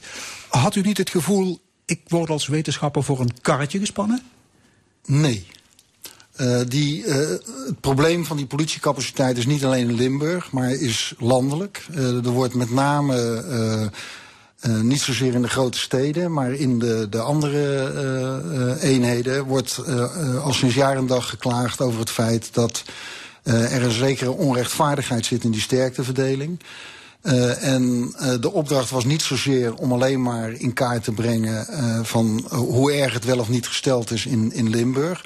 Maar dat ook in een breder kader te plaatsen van hoe, hoe wordt er nu met die politiezorg in Nederland ja, omgegaan. Nou, u voelt zich als wetenschapper wel vrij en onafhankelijk om, daar, om daarin te duiken. Ik heb dat uh, een aantal decennia gedaan. En uh, er, is, uh, er zijn weinig mensen die er echt in geslaagd zijn om mij te sturen. Ja. In mei hebben 18 Limburgse burgemeesters een brandbrief gestuurd aan het kabinet. Citaat, we varen op een ijsschots af. Dit gaan we niet volhouden op deze manier. Is daar met u nog over gecommuniceerd? Uh, nee, dus op het, uh, ik heb een enquête uitgezet uh, eerder dit jaar onder de burgemeesters in, in Limburg. Uh, en daar heb ik een aantal vragen gesteld uh, nou, die betrekking hadden op die, die vraagstelling waar we het net over hebben gehad. En ik heb een aantal burgemeesters uh, persoonlijk gesproken. digitaal, in, in Teams-verband. en kort voordat dat ik het manuscript afmaakte, eind augustus, begin september... Uh, bleek dat er uh, een brandbrief uh, is gestuurd door een aantal burgemeesters. En eigenlijk, nou ja, die brandbrief die paste precies niet alleen wat er in Limburg gebeurt, maar ook wat er nationaal gebeurt. Waarin eigenlijk het bestuur in Nederland steeds meer steen en been klaagt over het feit ja. dat dat geld en capaciteit naar, niet meer naar die basispolitiezorg, niet meer naar gemeente gaat, niet meer naar het bestuur uh, gaat, maar naar landelijke uh, prioriteit. Ja, deze week is uw rapport gepubliceerd. Conclusie: de politie Limburg is achtergesteld en overvraagd. Ja. Laten we beginnen met die achterstelling. Uh, we hebben te weinig agenten en dat komt door een niet goed functionerend landelijk verdeelsysteem. U noemde dat net al. Wat mankeert er aan dat verdeelsysteem? Ja, het gevoelen uh, binnen het bestuur in Nederland en ook in Limburg is dat er. Um, ten onrechte in de beleving van, van zeg maar de buitenprovincies te veel uh, geld en capaciteit gaat naar de grote steden. En dat ook de aandacht voor criminaliteit in en rondom de grote steden, met name in, in Den Haag vanwege het grote aantal demonstraties wat daar is. En in Rotterdam, uh, waar uh, drugsproblematiek is en, en door burgemeester Abu Talib enorm is gelobbyd om, om veel capaciteit en geld uh, naar de havens. Ja. Uh, en, ik, ik heb ook begrepen dat in dat verdeelsysteem bepaalde dingen, parameters heet dat, niet uh, worden meegewogen. Zoals de grensligging van Limburg. Ja. Wat extra criminaliteit ja. oplevert. Traditioneel, traditioneel is, uh, uh, is, is dat niet een speerpunt in de, in de sterkteverdeling. En dat is heel erg wrang voor Limburg omdat, uh, ik, dat was voor mij ook helemaal, helemaal nieuw. Ik geloof 351 kilometer van jullie prachtige provincie grenst uh, aan Duitsland en België. Ja, klopt. En, en dat is natuurlijk de, de aard van de criminaliteit en de mobiliteit die, die daar constant uh, natuurlijk gaande is. Want boeven slaan een slag en wippen dan de en, grens en, over? En die gaan weer de grens over. En, en daar komt ook nog bij dat... Maar, maar je kunt toch aan grensoverschrijdende opsporing doen? Ja, maar dat is uh, uh, niet sterk ontwikkeld uh, in Nederland. Omdat zowel nou ja, met name de aanpak van, van georganiseerde misdaad is erg sterk georiënteerd op uh, grote steden, uh, op uh, opsporingsteams die zeg, geografisch, territoriaal beperkt zijn. Dat zit iets in de bureaucratie van, hmm. van de rechtshandhaving. Dus er zijn ook nog juridische obstakels of culturele zijn, problemen, nou, die, taal, taalproblemen bijvoorbeeld? Die, die zijn er wel, maar wat ik wel interessant vond, en dat, dat, dat was voor mij ook nieuw, is dat Limburg traditioneel ook door collega's van mij. Uh, Cyril Feyenoord, uh, die, die, die 10, 15 jaar geleden al aan de bel trok. En, en zei van, kijk, we moeten eigenlijk dat in zichzelf gekeerde denken binnen de rechtshandhaving van... dit is mijn stad, dit is mijn uh, eenheid, moeten we overstijgen. En we moeten veel internationaler denken. Ja, dat, dat roept Feyenoord inderdaad al ja. 20, 30 jaar. Ja, maar er wordt niet altijd geluisterd Maar dat naar besef moet onderhand toch zijn neergedaald in Den Haag, ja, zou je denken. Dat, dat, dat is nog betrekkelijk weinig neergedaald. Uh, en uh, deze opdracht en de problematiek hier in Limburg is actueler geworden... omdat uh, de Wetenschappelijke Raad voor het Regeringsbeleid... een, anderhalf jaar geleden een rapport heeft uitgebracht... en eigenlijk zegt van we moeten opnieuw nadenken... over hoe we de politiezorg in Nederland organiseren. En dat moeten we doen langs drie lijnen... En één daarvan is internationalisering. Dus veel meer over de eigen uh, uh, grenzen heen uh, denken en handelen. En in Limburg gebeurt dat. Dus aan de ene kant is er al een, de laatste twee, drie jaar een lobby gaande. niet alleen om de problematiek in Limburg, in Den Haag onder de aandacht te brengen. Maar er wordt door uh, Limburgse bestuurders en door de gouverneur en door de politie en het Openbaar Ministerie in toenemende mate uh, met Duitsland, met België, maar ook in Brussel uh, gepraat en gelobbyd om te kijken, kunnen we nu niet uit die beperkte blik van, van, van territoriale begrenzing, kunnen we niet Euregio breed uh, gaan denken en handelen. En uh, daar is een aantal initiatieven toegenomen. Onder andere gemeenschappelijke teams. Hè, dus met, met, Belgen, met België en met, met Duitsland. Alleen waar Limburg tegenaan loopt is dat de bureaucratie... Maar misschien ook het belang en de prioriteit die in Den Haag wordt toegekend aan dit soort vernieuwingen in de aandacht uh, of in de aanpak van, van, van misdaad. Eigenlijk heel bureaucratisch zijn. Het duurt heel erg lang voordat uh, daar een, een, een, groen licht wordt gegeven. Ja. Voordat er een, een, een beetje budget wordt, uh, wordt vrijgemaakt. En dat is frustrerend voor die internationale ontwikkeling. Ja. Die niet alleen door Limburg wordt nagestreefd. maar ook de WRR zegt van, van we moeten eigenlijk veel groter denken. Ja, helder. U stipt in uw rapport nog andere problemen aan. De Limburgse politie vergrijst. Daar hebben ja. natuurlijk meer sectoren mee te kampen. Kunt u daar cijfers op plakken? Hoe, hoe ernstig is nee, het? Die, die heb ik niet precies. Ik heb, nee. uh, maar waarom zou je geen jonge agenten dan in dienst kunnen nemen? Nou, als die oude vertrekken? Daar, daar is men wel mee bezig. Niet alleen in Limburg, maar ook landelijk. Uh, er is al, uh, ik heb 30 jaar lang aan de politieacademie uh, parttime lesgegeven. En ik hoor al 15 jaar dat, dat er een enorme vergrijzing gaande is. Maar het intellectueel vermogen en het strategisch denken binnen de Nederlandse rechtshandhaving is niet sterk ontwikkeld. Dus nu worden we ingehaald door het feit dat er de komende jaren 16.000 politiemensen weggaan vanwege de leeftijd. En, en nu wordt er pas een beetje strategisch nagedacht over hoe kunnen we dat opvullen. Ja. Een van de, van de interessante dingen in Limburg is ook weer, ook vernieuwend is dat men pleit uh, om uh, Duitse en Belgische politiemensen uh, te werven. Onder andere in het kader van die, van, van, die, van die vernieuwing. En ook daar stuit men in Limburg op bureaucratie in, in, in Den Haag. Ja. Ik ben begonnen op Binnenlandse Zaken. Uh, ooit. Uh, heel lang geleden, toen ik net uh, afgestudeerd was. En ik werd begeleid door een, een, een commissaris van politie. die op een gegeven moment tegen mij zei... Bob, waar het hier aan ontbreekt, is groots en meeslepend denken. En dat, dat is... Groots en meeslepend denken. Groots en meeslepend denken. Heel die rechtshandhaving is veel met incidenten. En, en dat, dat, dat vond ik interessant in, in Limburg. Niet dat ik een marketinginstrument alleen ben, want ik heb ook kritiek op uh, Limburg. Maar dat vond ik interessant. Dat heb ik genoemd uh, dat Limburg het beest in de bek kijkt. Dat is niet zo'n academische kreet. Maar ik versta daaronder dat anders dan in grote delen van de rechtshandhaving in Nederland... is altijd het, het, het stokpaardje van we moeten meer mensen hebben... we moeten meer middelen hebben, we moeten meer bevoegdheden hebben. Dus eigenlijk een soort Calimero-effect. En er zit in Limburg uh, iets wat ik heb genoemd van grote denken en kleiner doen. En dat is onder andere die internationalisering. Uh, veel meer uh, proberen uh, mensen te werven uit, uit het buitenland. Gemeenschappelijke buitenlandse teams op te richten. en dat, dat vond ik een interessante andere aanpak dan in, in vele delen van Nederland ja. gebeurt. Even terug naar 2013. Toen werd de nationale politie opgericht. Ja. Uh, in Limburg werden de korpsen Noord en Zuid samengevoegd. U spreekt nu, tien jaar later, van een half geslaagde integratie van twee verschillende culturen. Ja.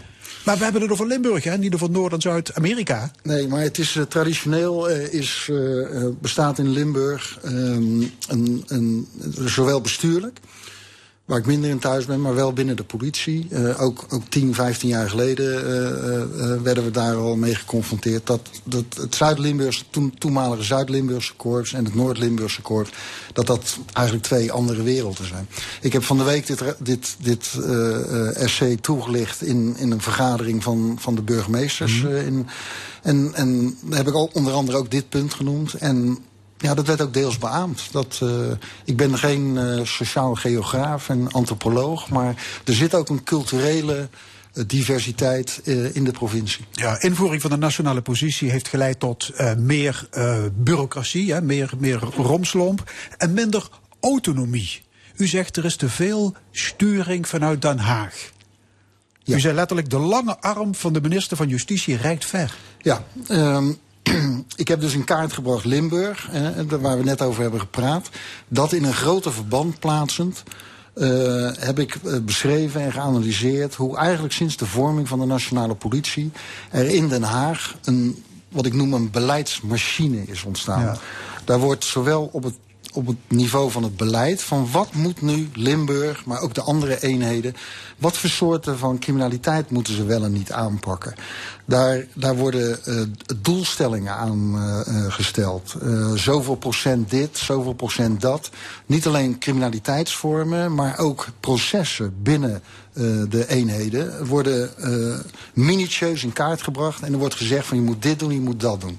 Dus er zit een soort verkleutering uh, vanuit Den Haag richting uh, professionals die zelf heel goed weten uh, wat, wat de lokale problematiek ja, is. Dus je zegt laat de regie bij, in, de, in de regio. Daar, daar uh, ja, nou, er is meer, dus meer een, lokale armslag eigenlijk. Er is een opwaartse druk ontstaan uh, door sturing vanuit Den Haag. En daar hebben dus acht burgemeesters onlangs hebben gezegd van kijk, wij moeten als, als, als regio moeten wij het landelijke beleidskader moeten wij vertalen naar een regionaal beleidsplan. En een aantal burgemeesters, onder aanvoering onder andere van de burgemeester van Heerlen... die heeft gezegd van een brief geschreven naar de minister... En dat is echt uniek in de, in de, in de politiegeschiedenis. Heeft, hebben gezegd van vernietig dat besluit. Wij kunnen daar niet mee werken. Wij hebben, wij hebben geen ruimte, we hebben geen armslag. Uh, wij weten zelf wel wat er aan de hand is. En we hebben geen capaciteit om die, die grote hoeveelheid prioriteiten die jullie in Den Haag stellen, uh, om die uh, ook maar uit te voeren. Ja. Is die lo lokale verankering ook nodig? Zodat de politie dichter bij de burger komt te staan? Nou, dat is zichtbaarder is in buurten en wijken? De, de, de politievisie en ideologie en, en, en handelen de afgelopen 40 jaar uh, is dat wij een politiezorg hebben die lokaal is ingebed, dicht bij de burger, waar de burgemeester uh, zeggenschap over heeft, de, de, officier van justitie zeggenschap over heeft, en die uh, een politiezorg die de noden van de burger kan, kan, kan bedienen.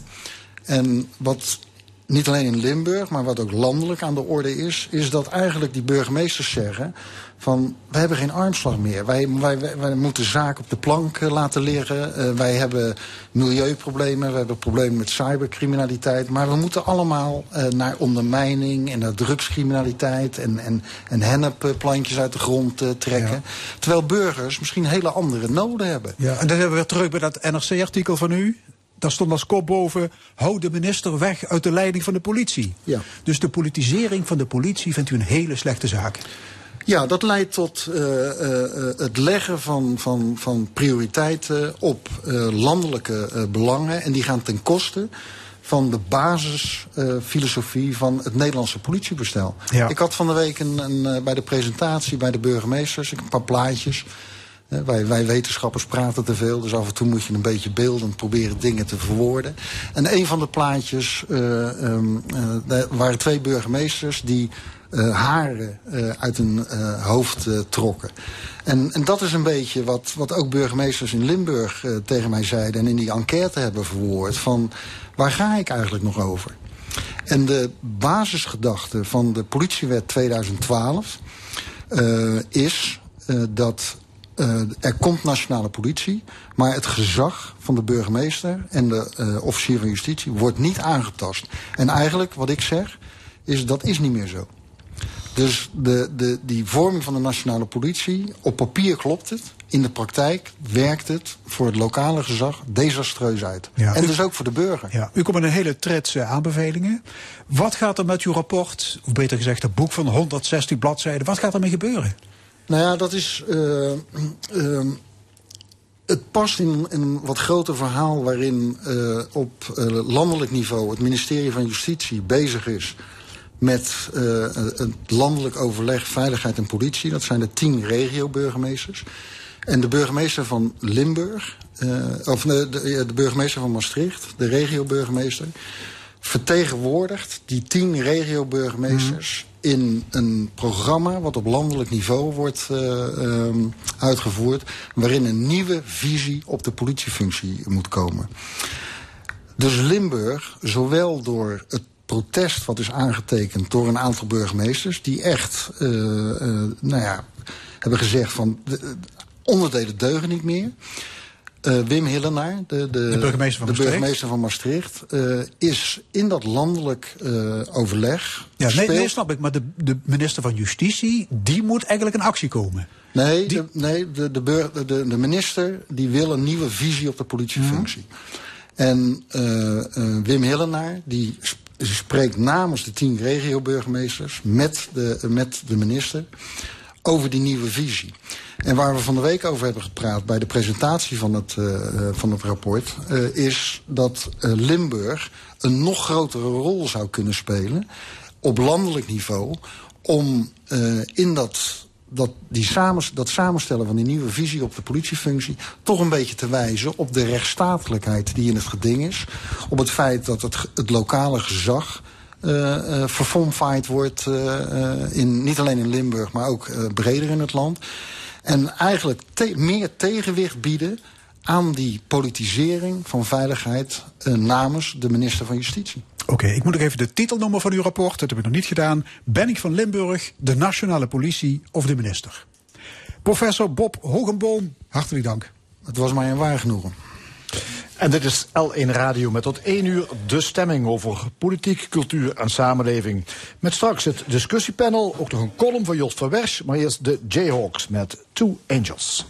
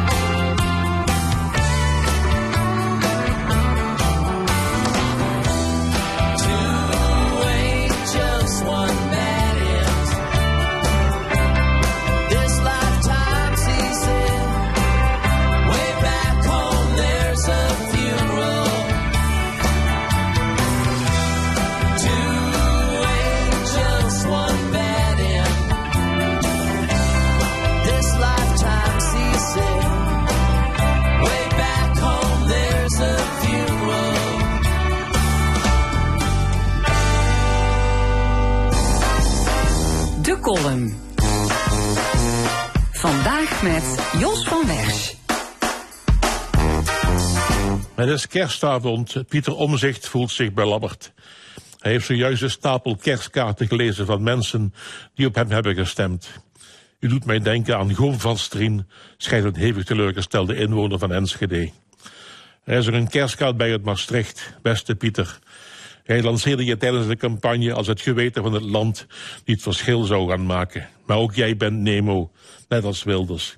Prettige kerstdagen. En pas op voor nog een burn-out. Groetjes, Frans Timmermans. Ook is er post van de SP. Beste Pieter, je bent super slim op het geslepene af.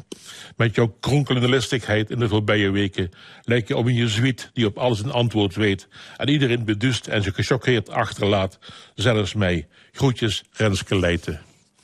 Terwijl Pieter ontredderd om zich heen kijkt en het zweet over zijn rug loopt, komt mevrouw om zich de woonkamer binnen met warme chocomel en chocolade kerstkransjes. We zijn bijna door de post van vandaag, zegt ze geruststellend. Ik heb nog maar één brief, alweer uit Limburg. Geachte heer Omzicht, in het schouwspel van de politiek bent u een meester in de kunst van het ontwijken. Uw antwoorden lijken op een doolhof waar je eindeloos ronddwaalt zonder ooit de kern te bereiken. Als opportunisme een sport was, zou u een Olympisch kampioen zijn. Uw vermogen om alles te omzeilen, behalve de vraag zelf, is bewonderenswaardig. U bent de virtuoos van de vaagheid. Als Marielle Tweebeker van Nieuwsuur aan u vraagt hoe laat het is, begint u over de historie van de klok. Als dubbele agenda's, geachte heer Omzicht, een gezicht zouden hebben, zouden ze glimlachen terwijl ze je recht in de ogen aankijken. Dubbele agenda's zijn de meesters van de schijn, de architecten van dubbelzinnigheid. Je vindt ze in alle lagen van het leven en op het Binnenhof in het bijzonder. Ze zijn als chameleons, denk aan meneer Plasterk, maar altijd in staat om van kleur te veranderen, afhankelijk van de situatie. In de wereld van dubbele agenda's is oprechtheid een schaars goed. Types als u lijken recht door zee, maar achter die façade schuilt een complex web van verborgen intenties. Het is een thriller waarvan je de plot pas begint te begrijpen wanneer het te laat is. Het is inderdaad bijna te laat, want u ligt zonder rechtsstatelijkheid hevig te flirten met Geert, terwijl Dylan en Caroline door een sleutelgat opgewonden toekijken. Bedunkt dat het tijd wordt om u te wijzen op de verantwoordelijkheid voor ons land. Kom alsjeblieft op kerstavond, net als Scrooge, tot inkeer. Groetjes van de dienstdoende columnist van de stemming. De column van Jos van Wers. We zijn toen het discussiepanel vandaag over alle turbulentie in politiek Den Haag. Het OLS van 2024, want dat staat op losse schroeven. En de verhoging van het dreigingsniveau. Aan tafel Maren Slange, fractievoorzitter voor de PvdA Maastricht. Jan de Wit, oud-Kamerlid voor de SP. En Karen Leunissen, ex-voorzitter van het CDA Limburg. Ja, ik stel voor dat we maar beginnen met de kabinetsformatie in Den Haag. PVV, NSC, VVD en BBB gaan praten over de grondwet. Jazeker. Uh, Geert Wilders moet de andere drie partijen uitleggen welke onderdelen uit zijn verkiezingsprogramma de ijskast ingaan en hoe lang ze daar blijven liggen. ja, hoe kijken jullie daarnaar, Maren Slange? Ja, hoe kijk je daarnaar? Nou, ik, ik ben wel van de, van de stiel um, om te zeggen... er hebben in dit land ongelooflijk veel mensen op de PVV gestemd, deze verkiezing. En uh, de PVV is daarmee gewoon uh, veruit de grootste geworden. Dus ik vind ook dat je ook op die manier moet, moet luisteren naar al die kiezers... Um, en moet kijken wat er mogelijk is. Waar ik wel echt van opkijk is toch... Um, nou ja, eigenlijk beter dan Jos had ik het uh, niet kunnen verwoorden, denk ik het, het, het gedraai, het, het nu al, we zijn drie weken op weg, het, uh, het spinnen, het niet beantwoorden, toch vaagheden van, die, van de andere partijen, waarbij ik dat van de VVD op zich had verwacht. Ik denk ook dat ze onder leiding van uh, de nieuwe partijleider echt ook wel een andere koers gaan varen. Dat nu ook laten zien. Um, maar van, ja, van Pieter Omtzigt had ik nog, uh, ik weet niet of ik het hoop mocht noemen, maar toch wel echt nog iets anders verwacht. En ik uh, heb afgelopen week een aantal stukjes kunnen zien van de debatten. En ik was echt diep, diep, diep teleurgesteld. En uh, ja, ik, ik, vind het zo, ik vind het zo jammer voor uh, de mensen in Nederland die ook op de NSC hadden gestemd. In de hoop dat dingen uh, anders zouden gaan. En die misschien nu thuis op de bank denken, oh maar het gaat dus niet anders. En er wordt nu gepraat over de grondwet. Ik geloof dat ze daar acht weken de tijd voor nemen. Er is natuurlijk ook reces tussen, dus dat is begrijpelijk. En al die tijd blijft het volgens mij doodstil. Dus ik, ja, ik ben benieuwd wat eruit gaat komen. Ja. Karel Leunissen, hoe kijk jij daarna dat er nu eh, acht weken, ja, op een nog zes manier. weken, maar lang ge- gepraat wordt over... Kijk, kijk er toch op een hele andere manier naar. Op de eerste plaats is het zo dat de zittende partijen er gewoon een rotzooi van hebben gemaakt. De afgelopen tien jaar. Ja, je kunt niet meer van de mensen verwachten dat ze nog op die partijen gaan stemmen. Opdat zij de oplossing zullen brengen van de vele crises waarin dit land op dit moment verkeert. Nou, wat ga je dan doen als kiezer? Je goopt op een andere partij. Nou, dat zie je ook aan de uitslag. LSC van 1 naar 20. BBB van 1 naar 7. En de PVV 20 zetels erbij. Nou, dan is het logisch dat men verwacht met die ruk naar rechts... dat vanuit die winnende partijen voorstellen komen... die tot oplossing leiden van de problemen waarin we nu verkeren. Pieter heeft al meermalen gezegd... ik heb problemen met rechtsstatelijke opvattingen van de PVV. Hij heeft zijn huiswerk goed gedaan. Hij heeft Wim Voermans, een staatsrechtsgeleerde, gevraagd hem bij te staan in... ga eens door dat programma van de PVV heen... en zeg eens wat niet acceptabel is. Ik kan dat zelf ook wel. Ik bedoel, Pieter Het, het is een redelijk eenvoudig geschreven programma. En eh, nou ja, hij heeft 20 punten eruit gehaald, Wim Voermans. Waarvan de een belangrijker is dan de ander. Maar ik denk dat Pieter om zich heel nadrukkelijk met eh, de heer Wilders en de rest van de partij, de andere twee partijen, flink om tafel gaat zitten en dat het er aan de orde stelt. En Maar als vind jij- vind jij van tafel afgaat, Ja. dan zal Pieter om zich niet meedoen aan een nieuw kabinet. Maar vind je het überhaupt uit te leggen dat er gepraat gaat worden Ja, over natuurlijk. het houden aan de grondwet? Ja, nee, niet het houden aan de grondwet. Hij houdt zich aan de grondwet. Er is nooit iets ongrondwettelijks vanuit de PVV gebeurd. Maar dat altijd maar staat wel- het staat wel voorstellen Ja. die niet conform de grondwet zijn. En dat wil om zich totaal van tafel hebben. En als je daar niet over wilt praten en zegt... PVV, 2,5 miljoen kiezers, wij stellen jullie buiten de orde... Ja, dat kun je, dan krijg je een opstand. Dat kun je echt niet maken. Je zult met Wilders om tafel moeten gaan. Jan de Wit? Nee, klopt. Ehm, met eh, Wilders om tafel gaan. Eh, overigens denk ik eh, dat we toch de, de, de winst van de PVV niet moeten overdrijven. Eh, het is een kwart van de kiezers. Hè? Dus het is, ze, dr- ze gedragen zich wel alsof ze, ze bijna de absolute meerderheid in Nederland hebben op dit moment. Eh, maar het is slechts, zeg ik tussen aanhalingstekens, 25% of een kwart. Dus eh, daar moeten we natuurlijk wel in het achterhoofd houden. Eh, ik begrijp dat, eh, dat ze eh, ehm, over de grondwet willen praten, maar dan eigenlijk alleen vanuit het idee. Wat voor gevaren eh, eh, reizen er? Want eh, op zichzelf ben ik het, en daar is iedereen, daar heeft iedereen het ook over. Hoe, hoezo moet je langer dan een minuut praten of we de grondwet moeten handhaven, ja of nee? En de grondrechten en internationale verdragen. Dat is natuurlijk zo duidelijk als wat. Dat moet gewoon, daar ben je in een minuut mee klaar. Maar het gaat erom, en dat, dat roept bij mij wel vragen op. Waar gaan ze het nou over hebben? Gaan we toch voorstellen doen om de grondwet te, nou, te wijzigen? Of gaan we eh, andere eh, vreselijke dingen eh, die in strijd met de grondwet of grondrecht of wat dan ook zijn? Dus ik denk dat je heel erg beducht moet zijn op wat daar gebeurt. En, Is er een geleidende dat- schaal denkbaar? Ik bedoel, lang dachten wij in Nederland natuurlijk helemaal niet na over het Ja. feit dat we bepaalde grondrechten hebben. Maar is er een geleidende schaal denkbaar dat er misschien vrijheden opgeofferd kan worden aan... Ten aanzien van wezenlijke dingen zal dat niet gebeuren. Ik denk dat eh, niet alleen Pieter Omzicht, maar ook heel veel eh, Kamerleden binnen NSC, die zullen daar never nooit mee akkoord gaan. En dat gaat dus ook niet gebeuren.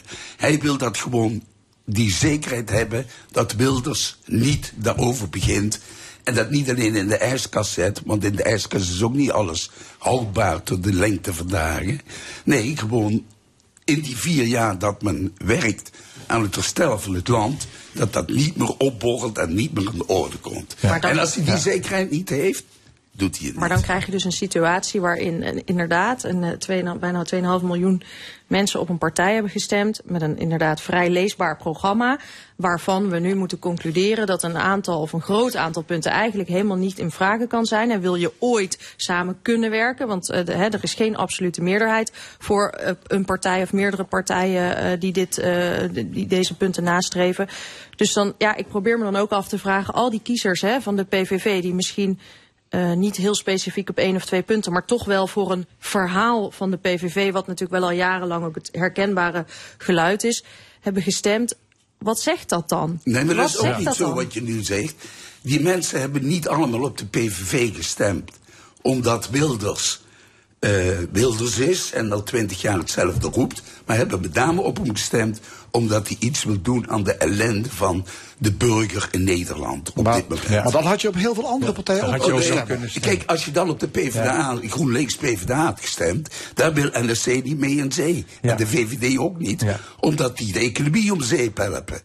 Nee, maar... En die oplossingen die zijn niet conform de oplossing die NSC, VVD en maar de vraag is dus wel hoeveel van die mogelijke oplossingen die Wilders in zijn programma en verhaal heeft geboden, ook daadwerkelijk in samenwerking met andere partijen het licht kunnen gaan zien. Nee, er blijft, de, als je Wim Voermans uh, mag geloven, uh, dan blijft er dus op zichzelf niks meer over nee, van het programma van, uh, van, van Wilders. En dat is natuurlijk, hij komt in een onmogelijke positie uh, uh, te zitten. Want hoe kan hij dan nog het PVV-geluid, waar die mensen wel op rekenen, hoe kan hij dat vertolken en omzetten in daden, in wetgeving? Dat, dat kan dus gewoon niet. En ik vrees ook dat er gewoon een hele moeilijke situatie ontstaat. Zeker als, als het zo is dat ze daar niet uitkomen uit die grondwettelijke toets, zal ik het maar noemen, hè, uit dat overleg wat ze nou willen. NSC heeft duidelijk gezegd, wij willen niet met PVV in het kabinet als dat niet opgelost ja. is. VVD wil ook niet. Uh, wil alleen maar gedogen, wil ook niet in het kabinet. Dus wat gaat er ontstaan? Daar heeft Voermans ook allerlei bespiegel, bespiegelingen over gehad. Wat gaat er hier uitkomen? En dat is, uh, zeg maar in het slechtste geval, misschien dan een minderheidskabinet uh, of zoiets, of een zakenkabinet. Ja, maar dat wil onze ook niet. Hij gaat niet dat, met, met de PVV en, en BBB in een minderheidskabinet zitten. Ja. Terwijl de VVD gedoog, want dat gedogen is natuurlijk een hele slappe opstelling. Ja. Het is wel meedoen van een zijkantje. En zodra het brenslig wordt, om het in het Duits te zeggen, grote handen ervan ja. aftrekken. Nee, maar dus het wordt zeggen, bijna onregeerbaar uh, op die manier. Als deze coalitie, als, als men dus blijft bij de standpunten zoals ze nu gelden, dan wordt het bijna ja, onregeerbaar. Dat risico Goed, zit er We gaan nog een ander issue. Uh, de Tweede Kamer heeft een motie van de VVD aangenomen deze week over de spreidingswet. Waarin kabinet en Eerste Kamer worden opgeroepen om pas op de plaats te maken met die spreidingswet. Uh, ja, een motie van de Tweede Kamer gericht aan de Eerste Kamer. Hier zitten twee oud-senatoren aan tafel. Ooit eerder zoiets meegemaakt? Nee, ik, ik niet. Uh, ik heb het uh, niet, niet eerder meegemaakt, maar het is, het is nou ja, uh, de, de, de superlatieve vliegen uh, zeg maar over de buis, bij wijze van spreken, hoe je dit staatsrechtelijk nu moet duiden. Het is natuurlijk een krankzinnige situatie die, ontstaan is, te meer omdat Rutte namens het kabinet, waarin mevrouw Jezilgus als minister zit, het Kamerlid Jezilgus tot de orde roept. Namelijk, dat gaan we niet zo doen, jongens. Um, maar Jezilgus gaat door, want ze heeft daarna een tweede motie ingediend. En eigenlijk is het zo krankzinnig. Niet alleen ten opzichte van de verhouding tot het kabinet en, en haarzelf als Kamerlid, maar ook omdat ze haar partijgenoot, de staatssecretaris, die zich te pleuris uh, werkt, bij wijze van spreken, om dat probleem van de opvang uh, te, op te lossen, die krijgt nog een dolksteek uh, in de rug. Ja, hoe moet die staatssecretaris zich voelen? Erik gewoon in de steek. Erik van den Burg. Maar iets met jou? Die wist daarvan. Die staatssecretaris die heeft een, uh, die is al eerder gedwarsboomd in zijn opzet door de VVD. Want het is helemaal niet nieuw dat de VVD helemaal niet voor die spreidingswet is. Hmm. Maar goed, nee, maar een grote kans dat Van den Burg in deze dagen gewoon opstapt en zegt van ik, uh, nee, dat ik stap niet. uit het dat kabinet. Want nee, ja, ik denk dat je Zilkes zou moeten opstappen. Als je naar Mona Keizer kijkt, die, over, die, die kritiek had op het COVID-beleid en meteen uh, de, de deur kon, uh, door de deur kon bij het kabinet Ja. en, en weg moest. En, en deze mevrouw die krijgt alle ruimte om de meest baarlijke nonsens eh, uit te kramen. Maar ook haar eigen partij. Ja, even eh, uitleggen. Dus de motie is ingediend door VVD-fractievoorzitter Jezilgus. Die is ook minister van Justitie. En die vraagt dus per motie aan het kabinet om het beleid te veranderen waar Ja. ze zelf mee heeft ingestemd. Ja. Dat noem jij krank, krankzinnig. Krankzinnig. Je zou het ook schizofreen kunnen noemen. Eh, daarom zeg ik ook de, de, de superlatieven die buitelen over eh, de buis heen. Hoe je dit moet duiden. Maar het is natuurlijk ongelooflijk wat hier gebeurt. Alleen maar vanuit het idee van deze mevrouw. Om de VVD zo duidelijk mogelijk te profileren laten we als wel- tegen, tegen de Laten we het wel niet ingewikkelder maken dan dat het is. Het was een faux pas, een idiote eh, actie. Niet bij nagedacht, denk ik. Niet bij nagedacht? Nou, ik Nee. denk Ja, heel ik zo- wist dat er heel goed Het- over Dan heel slecht is. bij nagedacht. Want ze wist gewoon dat ze Jan en Alleman en iedereen over zich heen zou krijgen. Ja. Want dit is een, een figuur die niet past. Ja, vooral van burgemeesters, hè. Die, die zitten te springen om spreiding maar van op, asielzoekers. die weten zich geen raad. Wordt spreidingswet, die, die landt nog niet, hè. De helft van de gemeenten, die houden zich stil op de achtergrond. Mm. Laten niets van zich horen en doen niet mee Ja, aan maar één. VVD-burgemeester notabene die sprak van een enorme teringbende. goed, Goede burgemeester. Ja, wat, Ja. natuurlijk, wat natuurlijk ook aan de hand is hier. Hè. We hebben het over die spreidingswet. En eh, dat gaat natuurlijk over de mensen die al in dit land zijn. En die we gewoon op een, op een goede manier met elkaar moeten verdelen, moeten verspreiden over het land. En waarbij de ene gemeente gewoon echt eh, uit zijn voegen knapt. En de andere gemeente inderdaad stilletjes eh, blijft in Maar hoe stilte. komt- wat is er eigenlijk tegen die wet? Nou, dat is, dat is uiteindelijk de, de ultieme maatregel, is de dwang. Dus dat, dat, dat, is, dat, dat is de angel die in die wet zit. Want je kunt toch ook je verantwoordelijkheid nemen als gemeente en, en zorgen voor. Ja, maar dat gebeurt Ja, dus veel te weinig. Er zijn dat, dus gewoon. dat, dat gebeurt natuurlijk niet. Maar, maar dat, zou toch ook kunnen, als je nu zo'n spreidingswet wil la- lanceren. Hè? Dus nog maar de vraag of die in de Eerste Kamer, in de huidige Eerste Kamer wordt aangenomen. Maar die burgemeester zou het toch ook vanuit zichzelf eens kunnen maar- zeggen. En die gemeentes, kom op jongens, Deze laten wet we is dit nou natuurlijk gezamenlijk in niet dit het land eerste oppakken. instrument. Deze wet is natuurlijk een soort, een soort van ja, la- laatste poging. Hè, omdat, omdat wat, precies wat je aangeeft, al jarenlang niet gebeurt. Er zijn te veel burgemeesters, te veel gemeenten in het land die, die dit, dit gewoon niet doen. Die, niet, eh, die weigeren mee te werken aan een, aan een oplossing. En je krijgt altijd dezelfde gemeenten Ja. die zeggen, nou Ja. dan doen wij het wel. En dat legt ook druk op die gemeente. Dus ik, vind het, ik ben het helemaal met je eens dat je zou mogen verwachten dat dit echt Ja. vanuit de burgemeesters, vanuit de gemeente eh, eh, komt.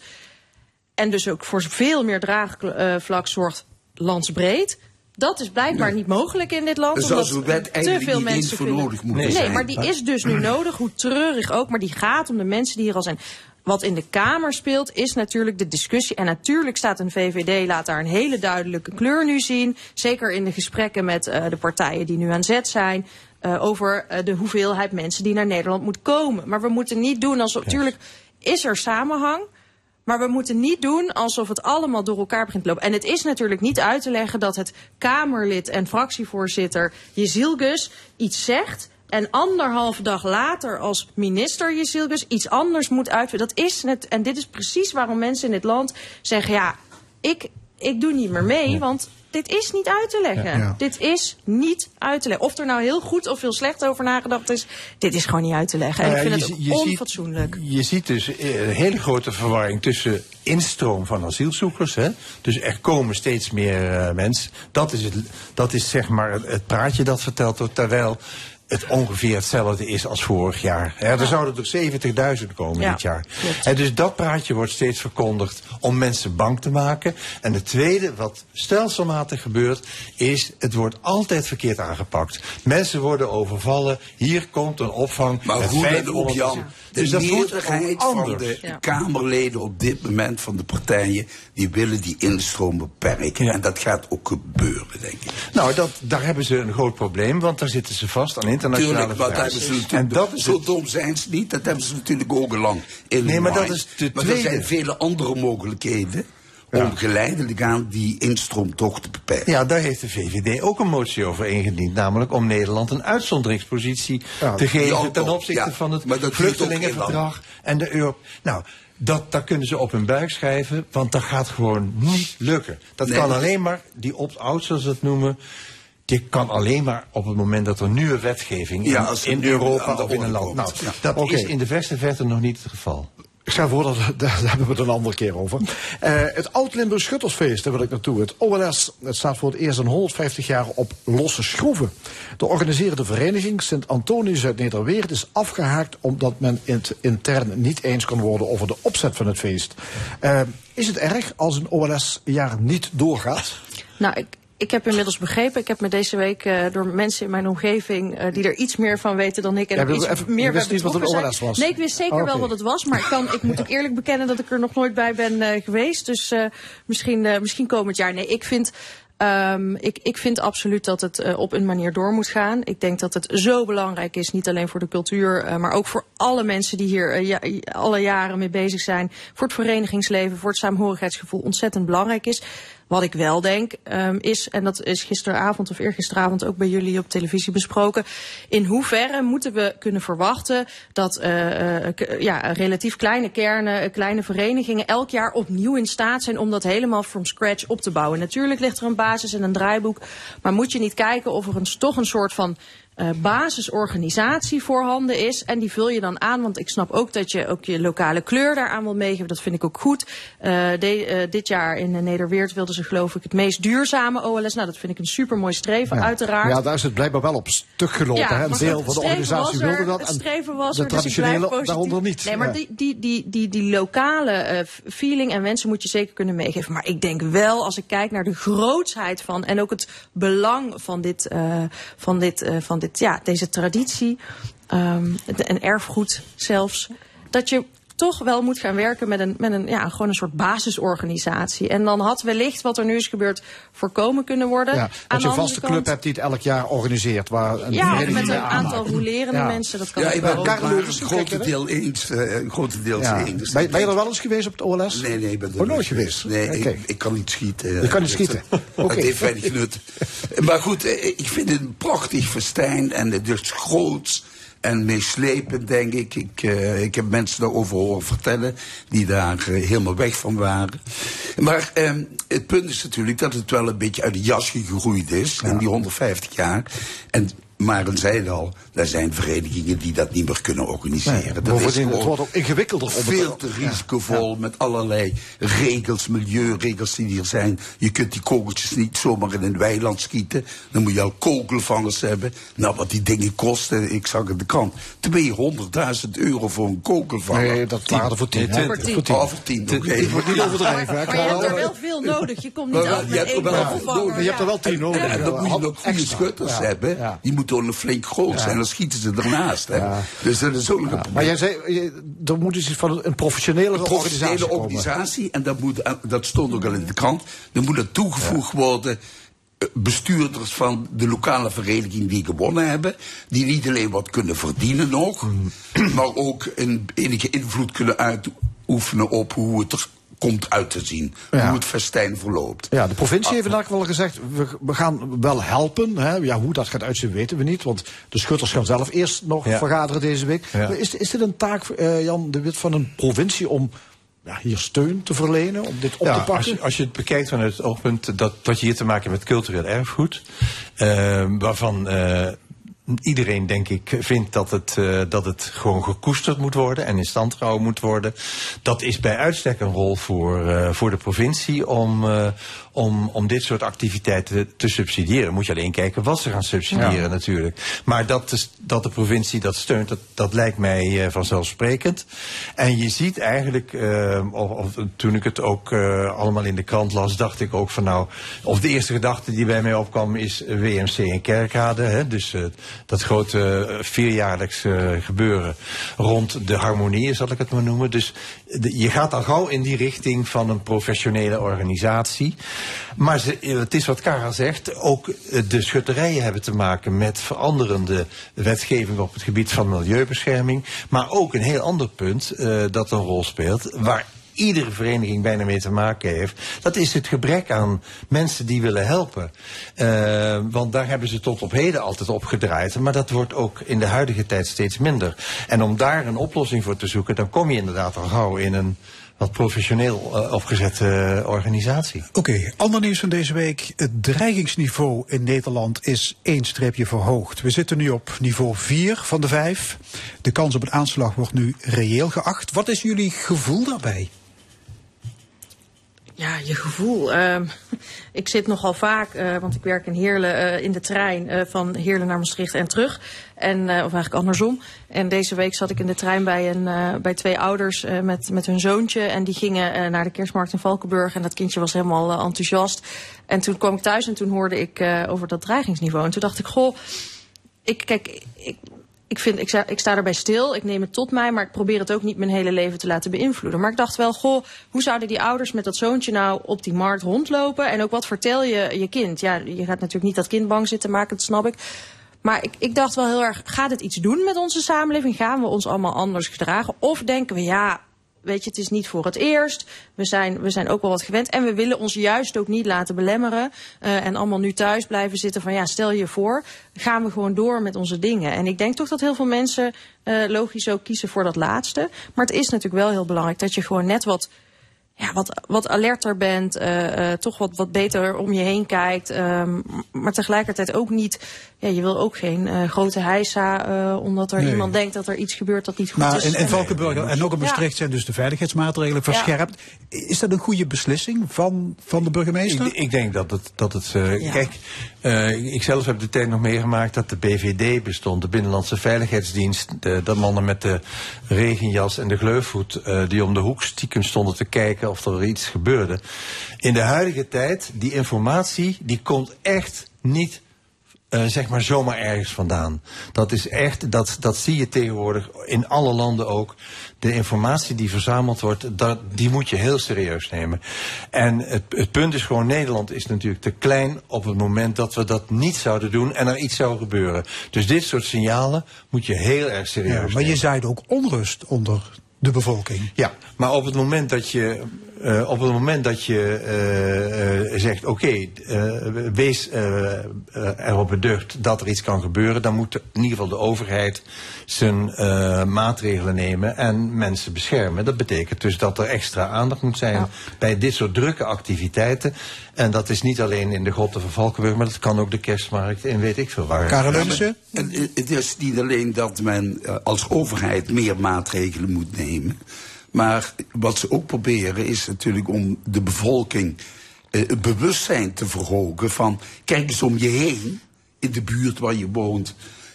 Van wat gebeurt Ja, precies. allemaal? Er loopt over de voorlichtingscampagne. Met burgers worden opgeroepen om alert te ja, zijn alert en goed op te letten. Ja. En bij een aanslag moet je je verstoppen. Ja, ik citeer, blijf rustig en zet je telefoon op stil, zodat de dader je niet kan horen. Ja, dat zijn wezenlijke adviezen natuurlijk. Ja. Maar die, uh, die, die verhoging van dat dreigingsniveau, met alle publiciteit van dien, zou dat ook preventief kunnen werken? Nou, ik, ik zag, is, is een signaal aan kwaadwillende jihadisten? Wij Ja, hebben jullie nou, in de gaten, dus... Uh, Ik zag het omgekeerde, uh, vond ik zelf. Doordat ik uh, de burgemeester Valkenburg zag in, in een vergadering met politieagenten.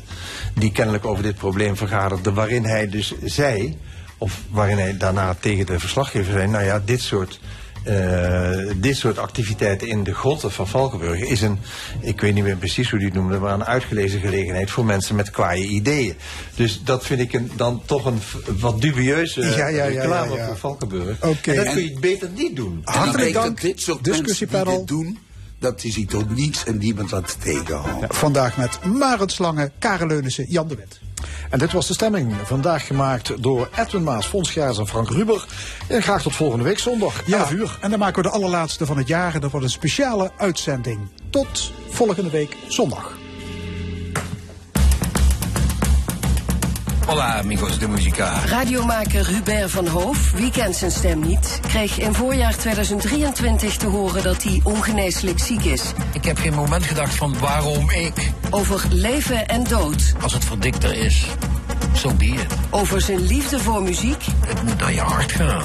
over zijn visie op radio maken. Kijk, bij radio is het gewoon eh, ik met de luisteraar. Hallo Hubert, over leven en dood. Eerste kerstdag vanaf 2 uur op L1 Radio.